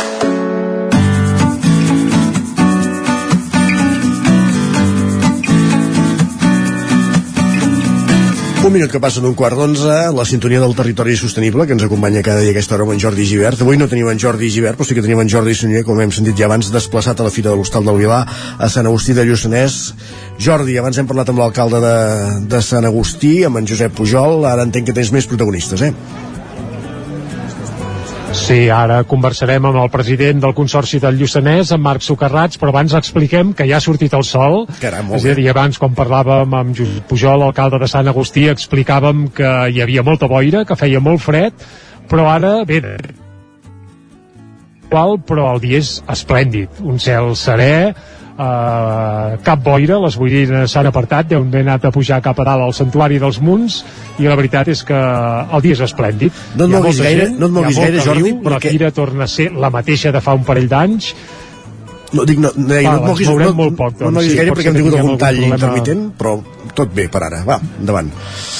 Val, doncs procurarem no moure'ns no moure'ns gens i hem explicat això, que ha sortit el sol, que fa un dia esplèndid i que estem al costat del Marc eh, Socarrats, president del Consorci del Lluçanès. Marc, molt bon dia. Bon dia, bon dia a tothom. Un, un dia esplèndid avui, eh, per la Fira de l'Hostal del Vilà. Sí, sort que ja quan hem pujat eh, hi havia una mica de boira, però ara s'ha marxat i bueno, podrem fer una fira, com sempre, molt bon dia, molta gent i molt bon ambient. Abans definíem la Fira de l'Hostal del Vilà com una espècie de festa major del Lluçanès. Aquí hi ha tota la comarca. Sí, això és com sigui el dia que sigui, si entre setmana, sigui quan, quan és el dia de la Fira de l'Hostal, tot el Lluçanès surt, el món de pagès, és, és com la festa major del Lluçanès, diguéssim. Penseu que és una fira que, pel que em diu Josep, hi han dates des, des de principis de 1700. Vull dir, l'han fet de sempre, menys van parar només per la guerra i ara l'any de pandèmia, que és, són els únics dies que, que han parat, però s'ha fet sempre. Vull dir que és una fira històrica i, i que, bueno, és, és mítica. Afortunadament s'ha pogut recuperar amb tot el seu esplendor i avui, a part de l'activitat convencional de la Fira de sempre, hi ha algunes activitats paral·leles. Una d'elles és la presentació de la taula de la pagesia del Lluçanès. Marc, què és la taula de la pagesia del Lluçanès o què pretén ser? Va, la taula de la pagesia del Lluçanès no és res més que, que com hi ha ajuntaments, sabeu a vegades que tenen un consell de la pagesia que es formen amb diversos pagesos i on, on es fa un, un, una espècie de ple, un acte on ells aporten aporten coses pels ajuntaments o ja et dic que aquí al Lluçanès ja hi ha, ja, ja, ja, hi ha ajuntaments que tenen aquest consell de, de pagesos doncs el que volem traslladar, al Consorci i que hi hagi un representant de cada municipi i, un, i a més a més el regidor del món rural i que bueno, ara, ara el convocarem i ells decidiran quan, quan es reuneixen, amb quina, en, quina, en quines, si, si són tres, sis, o ells ho decidiran, formaran un president i, i d'aquí ens sortiran les propostes perquè la tècnica del món rural i el consorci pues, treballem amb, es, amb, amb el que ells proposen i que, que, i és que, que, que sapiguem el que volen el món de pagès real. Vull dir, és, és, és senzillament això només abans en Josep Pujol, alcalde de Sant Agustí, ens parlava de que el món de la pagesia, del que el pagès tradicional està en perill d'extinció. Ras i curt, ens ho deia així textual què hi pot fer la taula sectorial de la pagesia per aturar precisament aquesta extinció del món de pagès, en aquest cas el Lluçanès? Doncs precisament volem que aquests pagesos que diu, com el Josep diu, que estan en perill d'extinció, doncs són els que volem a la taula i que ells ens diguin què els hi fa falta i quines, quines polítiques hem de fer aquí al Lluçanès per, per, per ells, és, és senzillament això. I, i qui més que, que pot dir pot, pot, pot eh, anomenar les directrius que hem de seguir al Consorci? Doncs que siguin els mateixos pagesos no, no que vinguin lleis de fora. Són ells els que han de decidir què es fa falta quines propostes fan i veure com es poden desenvolupar. Eh, és, és, senzillament és això no, no, no inventem res. Doncs tant de bo la taula pugui tirar endavant i sobretot que el futur de la pagesia estigui garantit i que activitats com per exemple la Fira de l'Hostal del Vilà, molt lligada al sector primari, doncs continuïn per anys i panys. Marc, moltes gràcies. Gràcies, gràcies a vosaltres i bona fira a tothom. Vinga, bona fira. Recordem que la fira continua tot el dia, per tant, gent que ens escolteu des de casa, eh, podeu fer cap aquí a la fira de l'Hostal del Vilà, que per qui no estigui situat és uh, un indret on no hi, ha, no hi ha cases, no hi ha poble, sí que hi ha una vista espectacular del Pedraforca, que ara l'estic veient des d'aquí, s'ha aixecat la boira i la vista és espectacular. La fira està situada al trencant que s'enfila cap al santuari dels Munts, en uns prats, doncs ara mateix plens de gent. I Isaac, abans hem parlat d'una de les novetats que hi ha aquest any a la fira, sí. i és uh, la primera el primer concurs de ratafies casolanes i artesanes. I si et sembla, ara ens desplaçarem cap al racó on estan esmolant les eines per tal de tirar endavant aquest concurs. Ens has d'explicar primer què tal la costella de porc, eh? detalls. eh? Ostres, la costella de porc, la veritat és que espectacular. Ah. Saps allò que se, que se desfeia a la boca, allò sí. mel als llavis? Que dius, doncs, Ostres, clar, és que s'ha cuit amb un perol d'aquells d'abans eh, lentament, a, a més viu, a més. Sí. Vaja, era una costella... Sí, uh, molt bé, molt bé, molt espectacular, ja et dic que boníssima. Has esmorzat a la ratafia, doncs va. I ara, com uh, deia abans, Uh, sí, no, ratafia no n'he tastat, eh? això també cal dir-ho, però sí que volem conèixer ara algun detall d'aquest concurs de ratafies, el primer concurs de ratafies del Lluçanès, i parlarem eh, amb una de les pobilles que tenim a la parada on ara mateix estan recollint algunes mostres de ratafia casolana. Hola, molt bon dia. Bon dia. Uh, com et dius? Jo em dic Marta. Marta, eh, estàs controlant una mica el funcionament del primer concurs de ratafies de la Fira de l'Hostal del Vilà, eh? Com és que es va deixar, decidir tirar endavant un concurs d'aquestes característiques? Uh, de fet, doncs, eh, la ratafia és un dels productes que es fan aquí a Lluçanès, a nivell casolà, a nivell de casa, i hi ha moltes cases que, que en fan elaboració pròpia, llavors van pensar que seria una bona oportunitat en el marc de la Fira de l'Hostal del Vilà uh, iniciar aquesta, aquest concurs, aquest primer concurs, per veure uh, com fan la ratafia uh, a les cases d'aquí de Lluçanès. Quantes n'heu rebut de moment? De moment en tenim 8, 9, 10, 11. Amb aquestes que s'estan inscrivint ara, 11. 11, déu nhi uh, Fins a quina hora es poden portar ratafies? Hi ha la, el, que és el, el, el que és el resultat el començaran a, a catar i així a un, un jurat a les 11 i llavors eh, es farà doncs la, la, el veredicte, el veredicte de, del, del guanyador. Hi han dos guanyadors un que és el nivell de Lluçanès i l'altre la millor ratafia eh, que s'hagi portat. Puc fer puc formar part del concurs? No, però llavors sí que esteu convidats a tastar les ratafies que s'han presentat.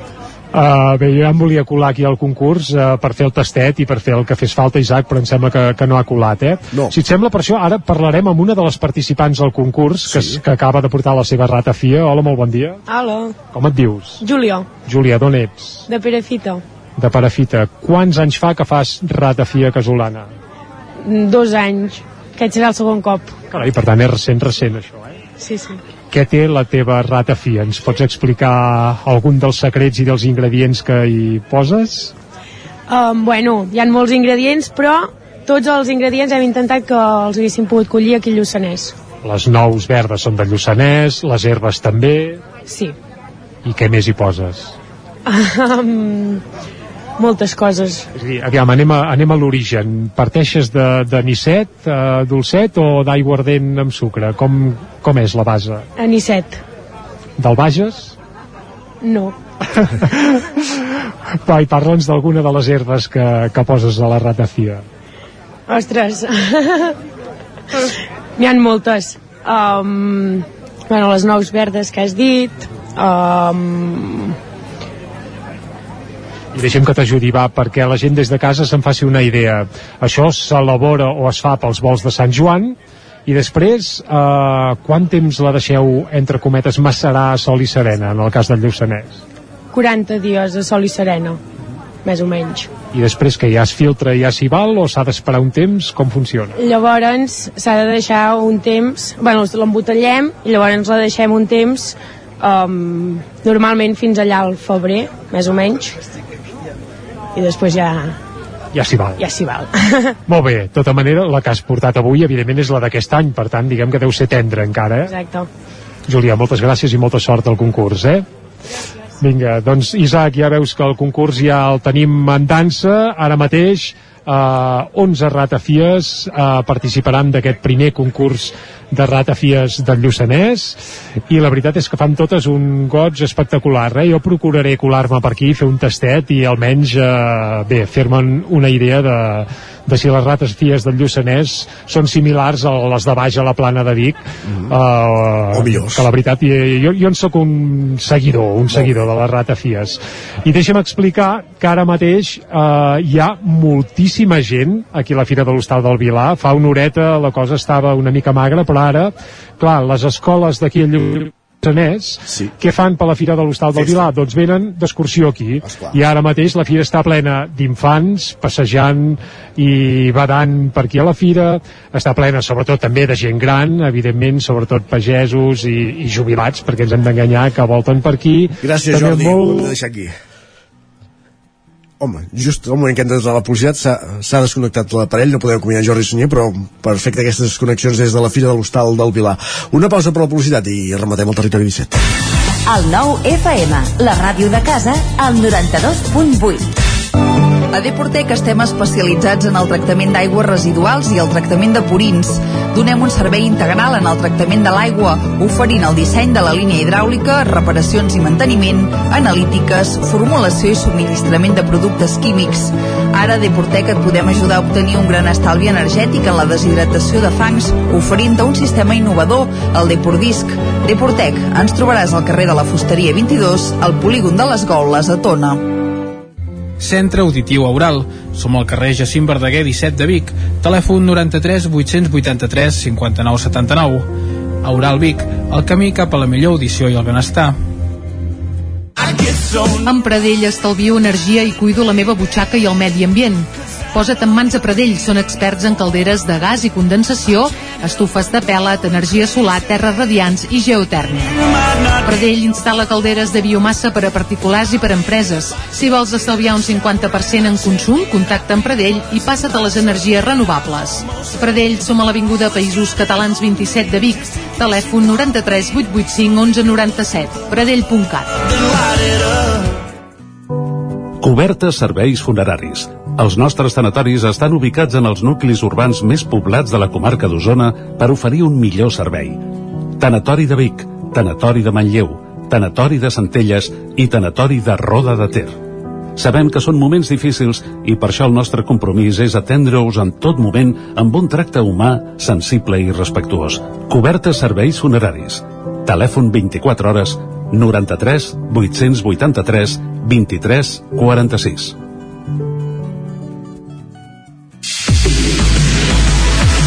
El diumenge 9 d'octubre tornen els bolets a ceba. 24a edició de la Festa del Bolet, una de les fires de referència pel sector boletaire a Catalunya. Hi trobaràs les tradicionals parades de productes relacionats amb els bolets, festeig i exposicions, activitats i actuacions i l'esperat concurs de bolets. Vine a la 24a Festa del Bolet de Ceba. Més informació a ceba.cat. Cocodril Club. Si t'agrada la bona música dels anys 60, 70 i 80, escolta el 9 FM als matins de dissabtes i diumenges d'11 a 1. És el temps del Cocodril Club, tot un clàssic de la ràdio, amb les bases del pop-rock, les llegendes, les cançons que s'han convertit en autèntics himnes. Recorda, dissabtes i diumenges al matí, d'11 a 1, al 9 FM 92.8. Cocodril Club, el programa revival de l'Albert Malla. Hasta luego, cocodrilo. El 9 FM, la ràdio de casa, al 92.8. En punt, dos quarts d'onze al territori 17.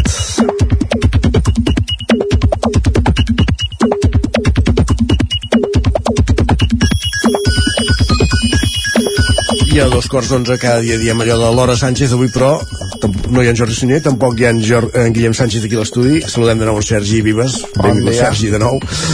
Laura Vives avui per aprofundir en el món de Twitter. Què has trobat per, per la xarxa? Doncs mira, no sé si sou molt de fer compres a internet, no sé si, si també sou habituals de rebre els paquets a casa, però Twitter és un lloc eh, on fa evident que hi ha gent enfadada a tot arreu. Ah, això, no, a Twitter sobretot hi ha gent enfadada, això sí que és cert. doncs mira, una usuària comenta alguns veïns i clients fan deixar els seus paquets a Amazon o altres. Hi ha una veïna a qui recollim paquets un parell de cops per setmana. Mai, mai ens ha comprat res a la botiga, ni que sigui una aigua o algun carmel. Mai. Hi ha gent amb molta cara. Sí. De fet, de fet, hi ha botigues que s'han convertit en, en repartidors i recollidors de, de paquets, vull dir que en tot cas poden fer un pensament en aquesta No, no, sí, però quan he llegit aquest tuit és que això és com una gran paradoxa d'aquest segle perquè compara una que una compra a, a una gran corporació com, As, com Amazon però que vas a recollir el paquet a, a la botiga del teu barri. Correcte, sí, sí. I si ahir parlàvem de temperatures, ara canviant de tema, uh, canvia, parlàvem de temperatures uh, i del fred, avui és el torn d'enviar el que ens deixa escrit, esperant, ansiós, els vostres tuits sobre quan posar el nòrdic. No sé, Isaac, si ja dorms al nòrdic. Tu. Ja hi és a casa el nòrdic, sí, sí, sí. Uh, clar, també va per barris això, eh? Uh, aquí fa més fred que el Vallès, per exemple. Però Sí. vaja. I la Clàudia ens enviava, escrivia fa una estona, primer dia de Gabardina inaugurat, seguim.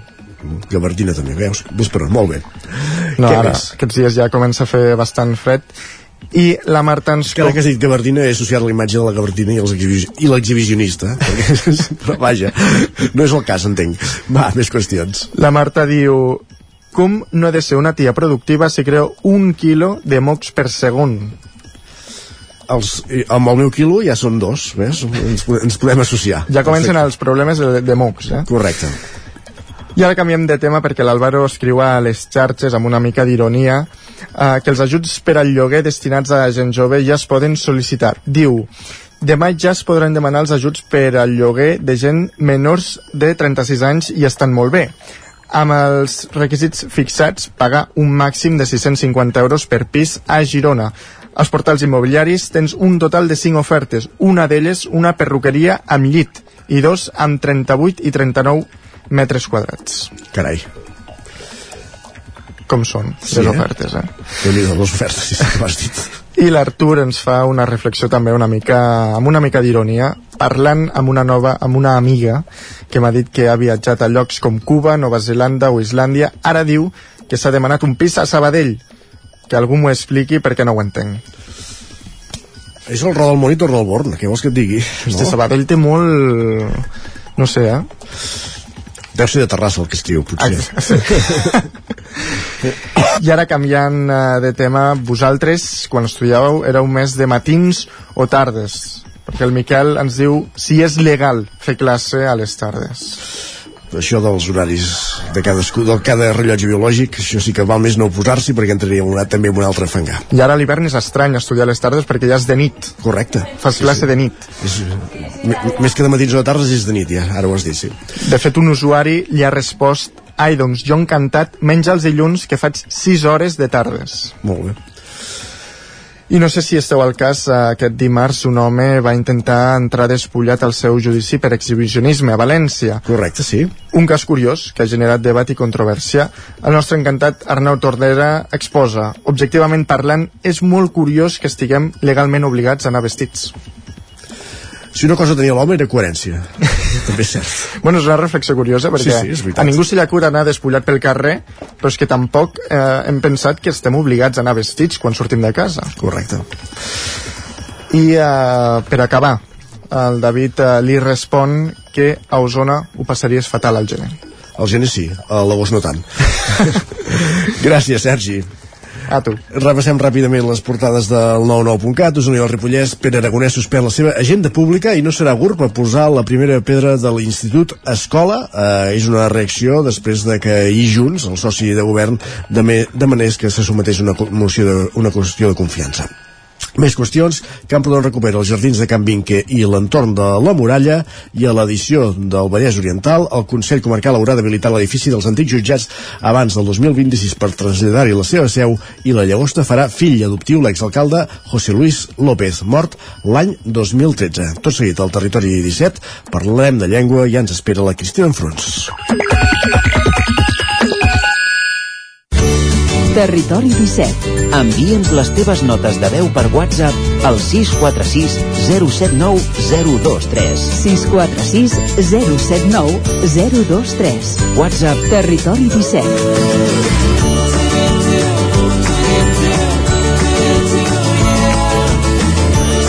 Territori 17.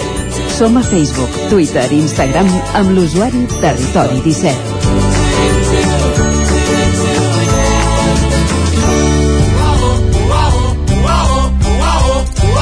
6 minuts que passen de dos quarts d'onze al territori 17 ens acompanya una setmana més la Cristina Enfruns, com sempre per resol resoldre'ns dubtes lingüístics. Cristina, bon dia.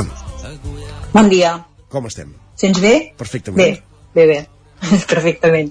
Doncs va, sóc vi, no? De què parlem avui, sí? Uh, doncs mira, enllaçant-ho amb, amb la sessió anterior en què vam parlar de, del tractament de vos i de vostè, avui parlarem de senyora o senyoreta. Ah, eh? m'agrada. Quan ens hem d'adreçar és a dir, quan ens hem d'adreçar una noia o bé una dona, sí. o quan escrivim una carta a una dona o bé una noia, com la tractarem? De senyora o de senyoreta? La polèmica es va desformar ja fa uns anys a França, que, que demanaven adoptar el tractament de madame per sí. dones i, i anar retirant el de mademoiselle que s'aplicava a les dones joves i solteres.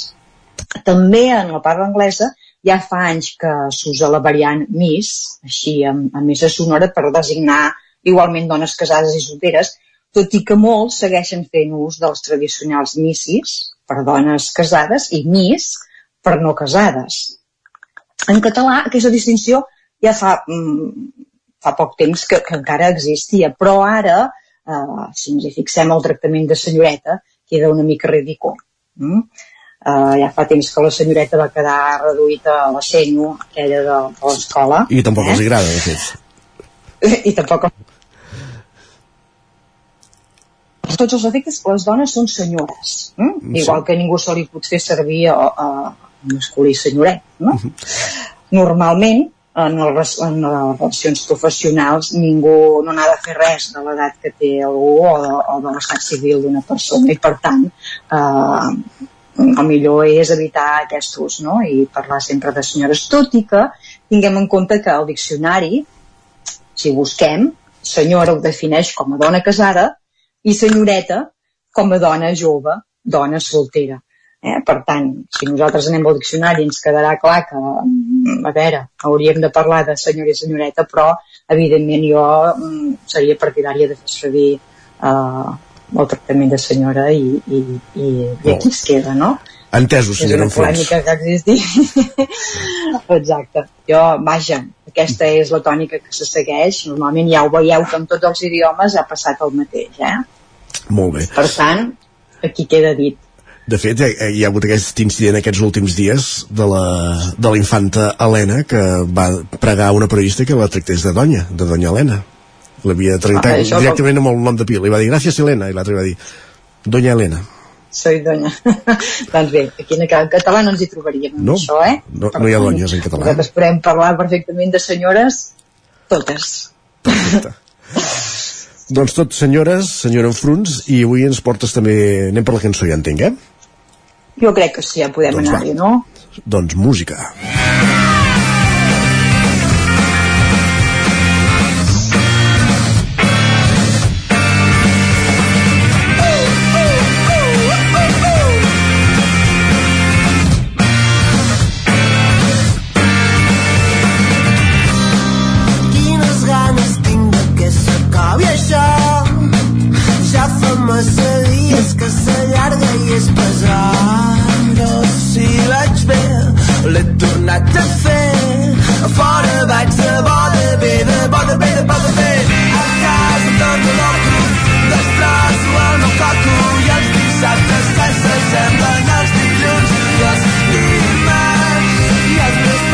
Doncs amb aquesta energia escoltem una cançó de Dan Peralbo i el Comboi, d'aquest seu darrer disc, una cançó que es diu Pizza Massa Mare, i que la Cristina ha sotmès doncs, el seu eh, cribatge lingüístic.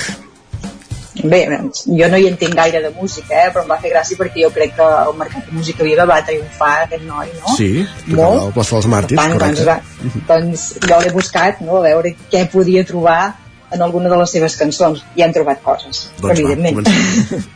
Comencem. Hi ha la primera frase, quan diu quines ganes tinc de què s'acabi això. Aquesta construcció, eh?, de què. Uh, en català és incorrecte. Uh, què passa aquí? És el que s'anomena caiguda de preposició. Per tant, aquí aquest de desapareixeria i hauríem de dir quines ganes tinc que s'acabi això. Eh? Uh, és una construcció mm, perfecta. Aquí podríem, podríem aplicar-ho per De fet, a nivell de mètrica fins i tot aniria més bé i tot, potser, alhora. Però vaja, aquí ja no ens hi posarem. ja no ens hi posarem, però bé, queda dit, eh? Molt bé. Què més? Uh, més avall, quan parla de, dels seus pares i dels tàpers, les mandonguilles, els llenguanos, els canelons, aquest tàper és una d'aquelles paraules que en diem noms comuns procedents de marques registrades. És a dir, el tàper aquest ve del, de l'anglès i prové, mm, prové de la marca comercial Tupperware. Sí, sí, sí. Prové d'aquesta marca aquest recipient per portar menjar. En català ja tenim la paraula, eh? Podem Carmanyola. dir-ne tàper, tàper, Ah. i també, també, també, una carmanyola, una porta viandes, però tàper també existeix, també eh, ja, ja la tenim adaptada, tant escrita en va com en bu, eh? perquè podem parlar de tàpers o podem parlar de túpers, Carai, va? molt que sapiguem que tenim, les, tenim totes aquestes opcions. I també, una altra frase que també podríem eh, dir que està una mica que està- malament, quan diu sempre a l'inrevés, potser són els de més, aquest, aquesta forma els de més, en català és incorrecta, només seria correcte quan fem una oració, és dir, si per exemple diem el llapis, el bolígraf i de més, aquí és correcte, però quan, quan es refereix a aquests als altres, eh, és una construcció incorrecta i per tant hauríem de dir sempre a l'inrevés potser són els altres i, i estaria completament correcte Perfecte, pues hauríem de canviar la tònica perquè, perquè ens lligués amb l'anterior frase, llavors, eh, suposo. Però vaja, això ja és sí, no, qüestió... no, segur, segur això ja és qüestió de, però de música. sintàcticament sintàcticament jo parlo sintàcticament evidentment Està i clar. bé, és una construcció que et fa incorrecta doncs, i ja està, eh? I, i aquí ho deixaríem aquí Perfecte, Cristina, doncs moltíssimes gràcies per, per aquesta aportació i amb aquesta entrada a a distància. Bon dia. bon dia Doncs amb aquesta cançó de Dan Peralbo i el Comboi, amb aquesta secció dedicada a la llengua, com cada setmana amb la Cristina Enfruns, avui hem repassat també aquesta lletra de la cançó Pizza Massa Mare de Dan Peralbo i el Comboi. Tot seguit, avancem al territori 17 i continuem amb temes de llengua. Derivem cap a la literatura, de fet, perquè tot seguit és moment d'anar cap al Lletra Ferits.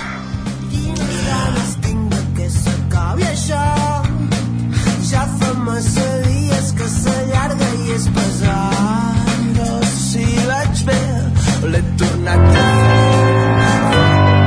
Territori, Territori 17. 17. Territori 17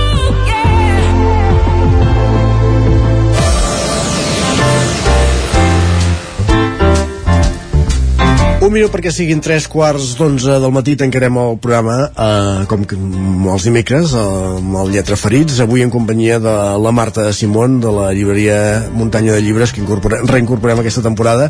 Benvinguda de nou, Marta, què tal? Moltes gràcies. Avui ens portes novetats editorials que podem trobar a les llibreries eh, aquests, aquesta tardor, aquest setembre, per Sí, entendre'ns. perquè de fet el mes de, de setembre, coincidint amb la celebració de la Setmana del Llibre en Català a Barcelona, que ja l'hem passada, sí. doncs eh, les editorials treuen algunes de les eh, apostes més importants no, de l'any i arriben totes de cop, això passa també per Nadal, per Sant Jordi, no? i amb prou feines tenim temps de assaborir-les. Llavors eh, us hem I, preparat I per tant, les llibreries també entenc que és un, un tragí important, no? un col·lapse. sí, estem col·lapsats. Uh, i Torneu, torneu de l'agost i sí, arriba sí, el col·lapse. sí. A amb més tota- que durant l'estiu no, pràcticament a l'agost no surten novetats, no? I per tant tens les, els, eh, els aparadors o les taules doncs, que vas, sí que vas rotant llibres, però bueno, poqueta coseta, i en canvi al setembre arriben totes de cop, i sap greu també perquè n'hi ha que són molt bons llibres, no? i que al final acaben passant com desapercebuts perquè es tapen un amb l'altre, i per Correcte. això us hem portat res, una mini selecció, quatre llibres que creiem que són importants, que segurament ja n'haurem n'haureu sentit a parlar, perquè sí que han sortit als mitjans en algun cas, però que trobem destacables. Doncs va, per on comencem? Doncs mira, comencem per una de les escriptores que, per sort nostra, eh, ara mateix doncs, tornem a tenir molt bones traduccions, noves traduccions en català. Parlem de Virginia Woolf i dels diaris, que així es diu el llibre, que acaba de publicar Club Editor.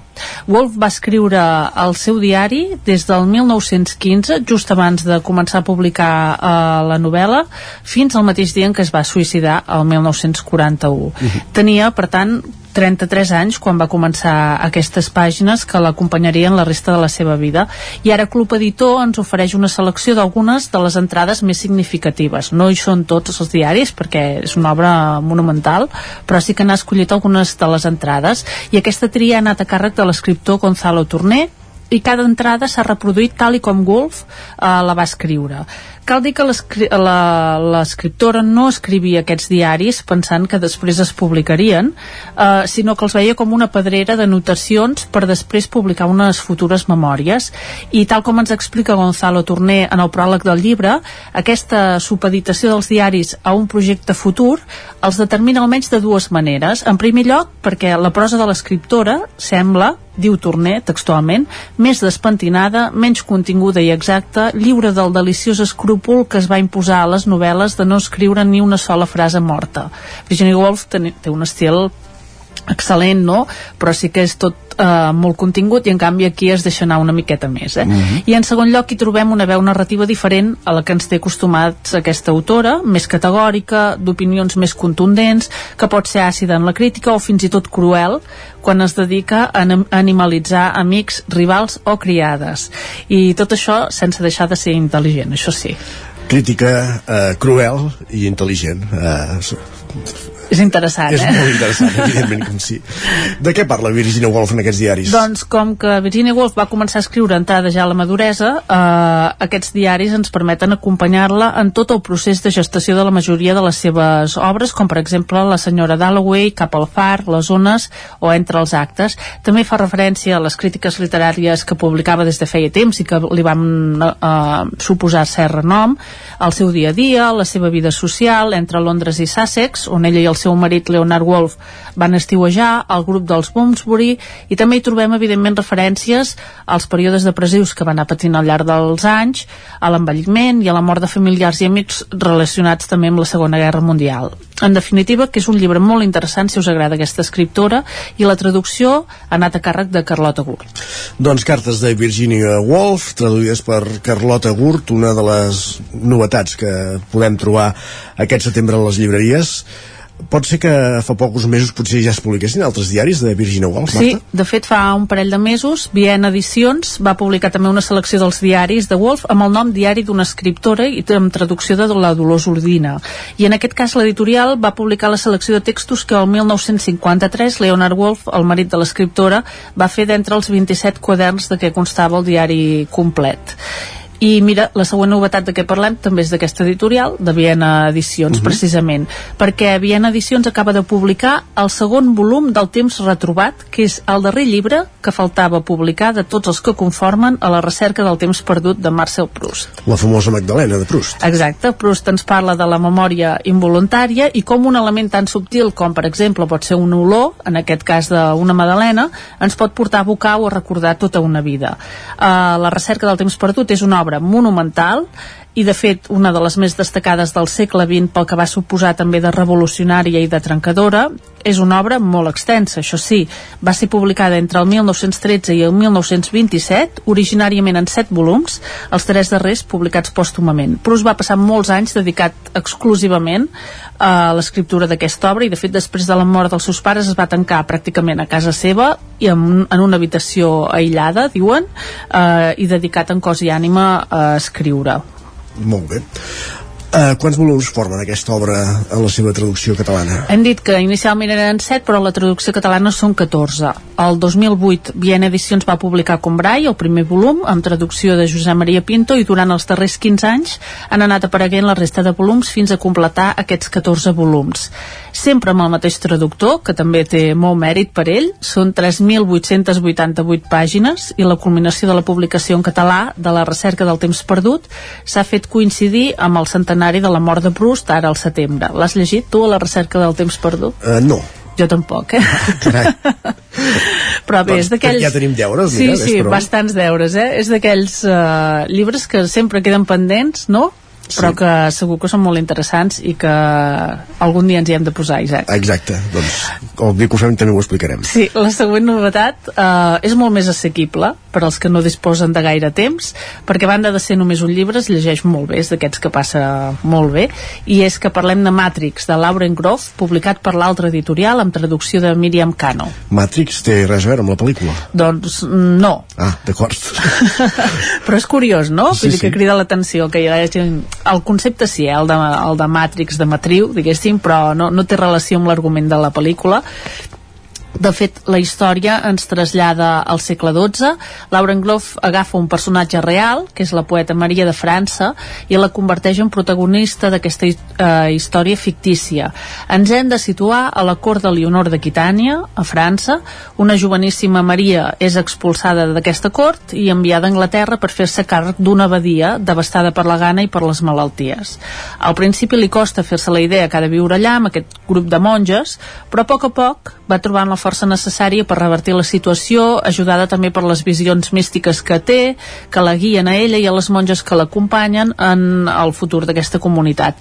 És una història de dones en un món, el del segle eh, XII, pensat des de la masculinitat més absoluta, i és una història molt bonica d'amor i d'amistats i del poder que dona la col·lectivitat si es treballa amb un objectiu compartit, té personatges femenins molt potents com són la Leonor d'Aquitània que és un dels personatges històrics més eh, femenins més importants i la mateixa Maria de França, molt recomanable Perfecte. I d'una novel·la històrica a una història basada en un cas molt real i impactant. Sí, Uh, parlem dels nois de Hayden Valley Road. No sé si n'has sentit a parlar d'aquesta Isaac perquè ha sortit bastant als mitjans també. Uh -huh. publicada per edicions de Periscopi. L'autor és el periodista nord-americà Robert Colker que ens explica la història de la família Galvin als anys eh, 70 aquesta família estava formada pel matrimoni d'en Don i la Mimi Galvin que van tenir 12 fills això per si sol ja té molt mèrit Bastant. és, és bastant espectacular però la qüestió és que sis d'aquests 12 fills van ser diagnosticats amb esquizofrènia Caram. Sí. Uh, el llibre està escrit com si fos una novel·la, vindria a ser també semblant a d'altres d'aquesta mateixa editorial que ja ha publicat com el uh, No diguis res, uh, o el, el d'Amazon, per exemple, també, no? que s'ha especialitzat una mica ara en publicar llibres que són fets per periodistes i que ens expliquen algun cas uh, important o rellevant i ens permet conèixer aquesta malaltia, l'esquizofrènia, i com va alterar el funcionament d'aquesta família.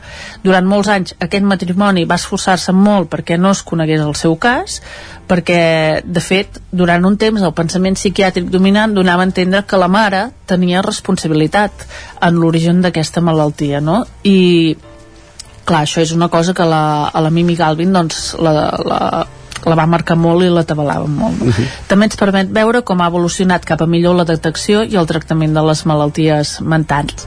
La idea d'escriure aquest llibre va sortir en realitat de dues de les filles de la família, ja grans, el 2016, que volien donar a conèixer la seva història al món i es van posar en contacte amb aquest periodista que va poder entrevistar tots els membres vius de la família, amics, veïns, terapeutes, eh, professor, eh, professors, investigadors, entre d'altres, i per tant és un llibre molt interessant d'aquests que t'enganxa, no? que potser d'entrada penses, home, és bastant gruixut, no em llegiré què, què m'he d'anar a llegir, no? un llibre de, de l'esquizofrènia, però la veritat és que t'enganxa molt, és una família molt curiosa, un cas molt curiós i que és molt, molt interessant i una manera també d'entendre millor uh, una malaltia tan important com aquesta, com la viuen els malalts i també com afecta totes les persones que els envolten.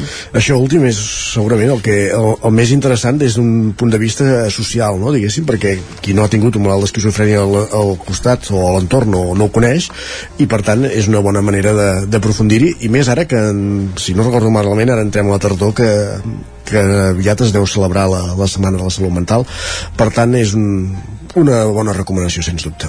I tant. Tenim més alguna última proposta? Eh? Sí, mira, tenim una proposta una mica diferent per acabar així també la secció i acabarem amb una mica de poesia.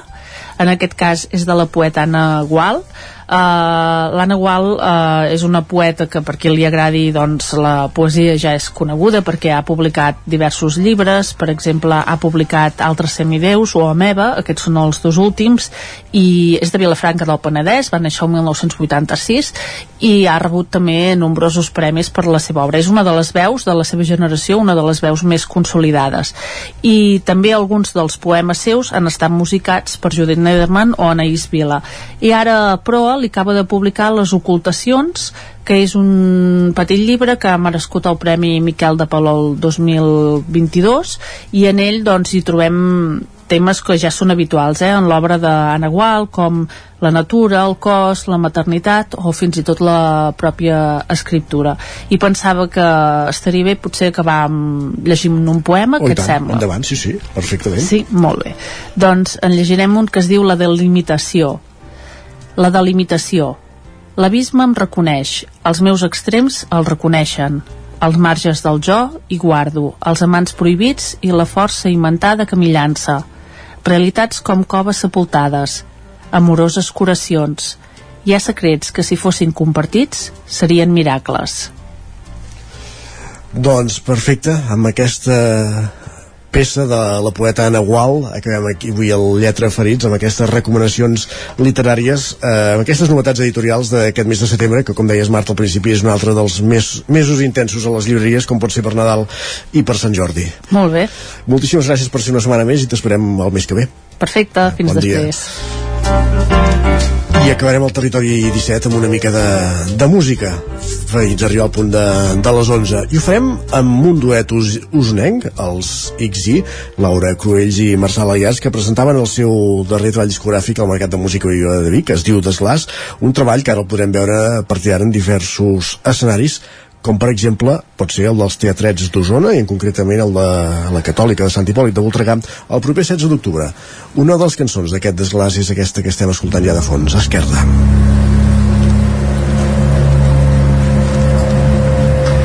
Deixaré que la vida destroni del tot.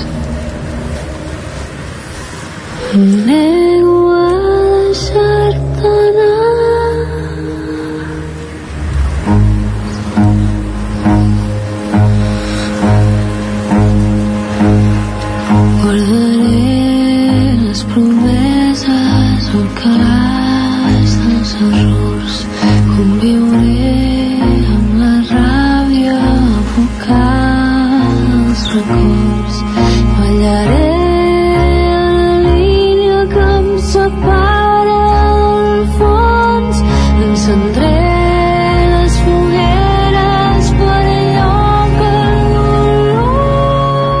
fogueres per allò que el dolor Sala Iats al violoncel, Laura Cruells a la veu són XI i amb ells acabem el territori 17 d'avui, dimecres 28 de setembre de 2022. Hem estat a la Fira de l'Hostal del Vilar de Sant Agustí de Lluçanès i hem estat a molts altres llocs avui al territori 17. Us hem acompanyat des de les 9, Júlia Danés, Pepa Costa, Òscar Muñoz, Isaac Muntades, Caral Campàs, Sergi Vives, Cristina Enfruns, Marta Simón, Jordi Sunyer i Isaac Moreno. I tornem demà a partir de les 9 del matí. Fins aleshores, molt bon dimecres, gràcies per ser-hi. Adéu-siau.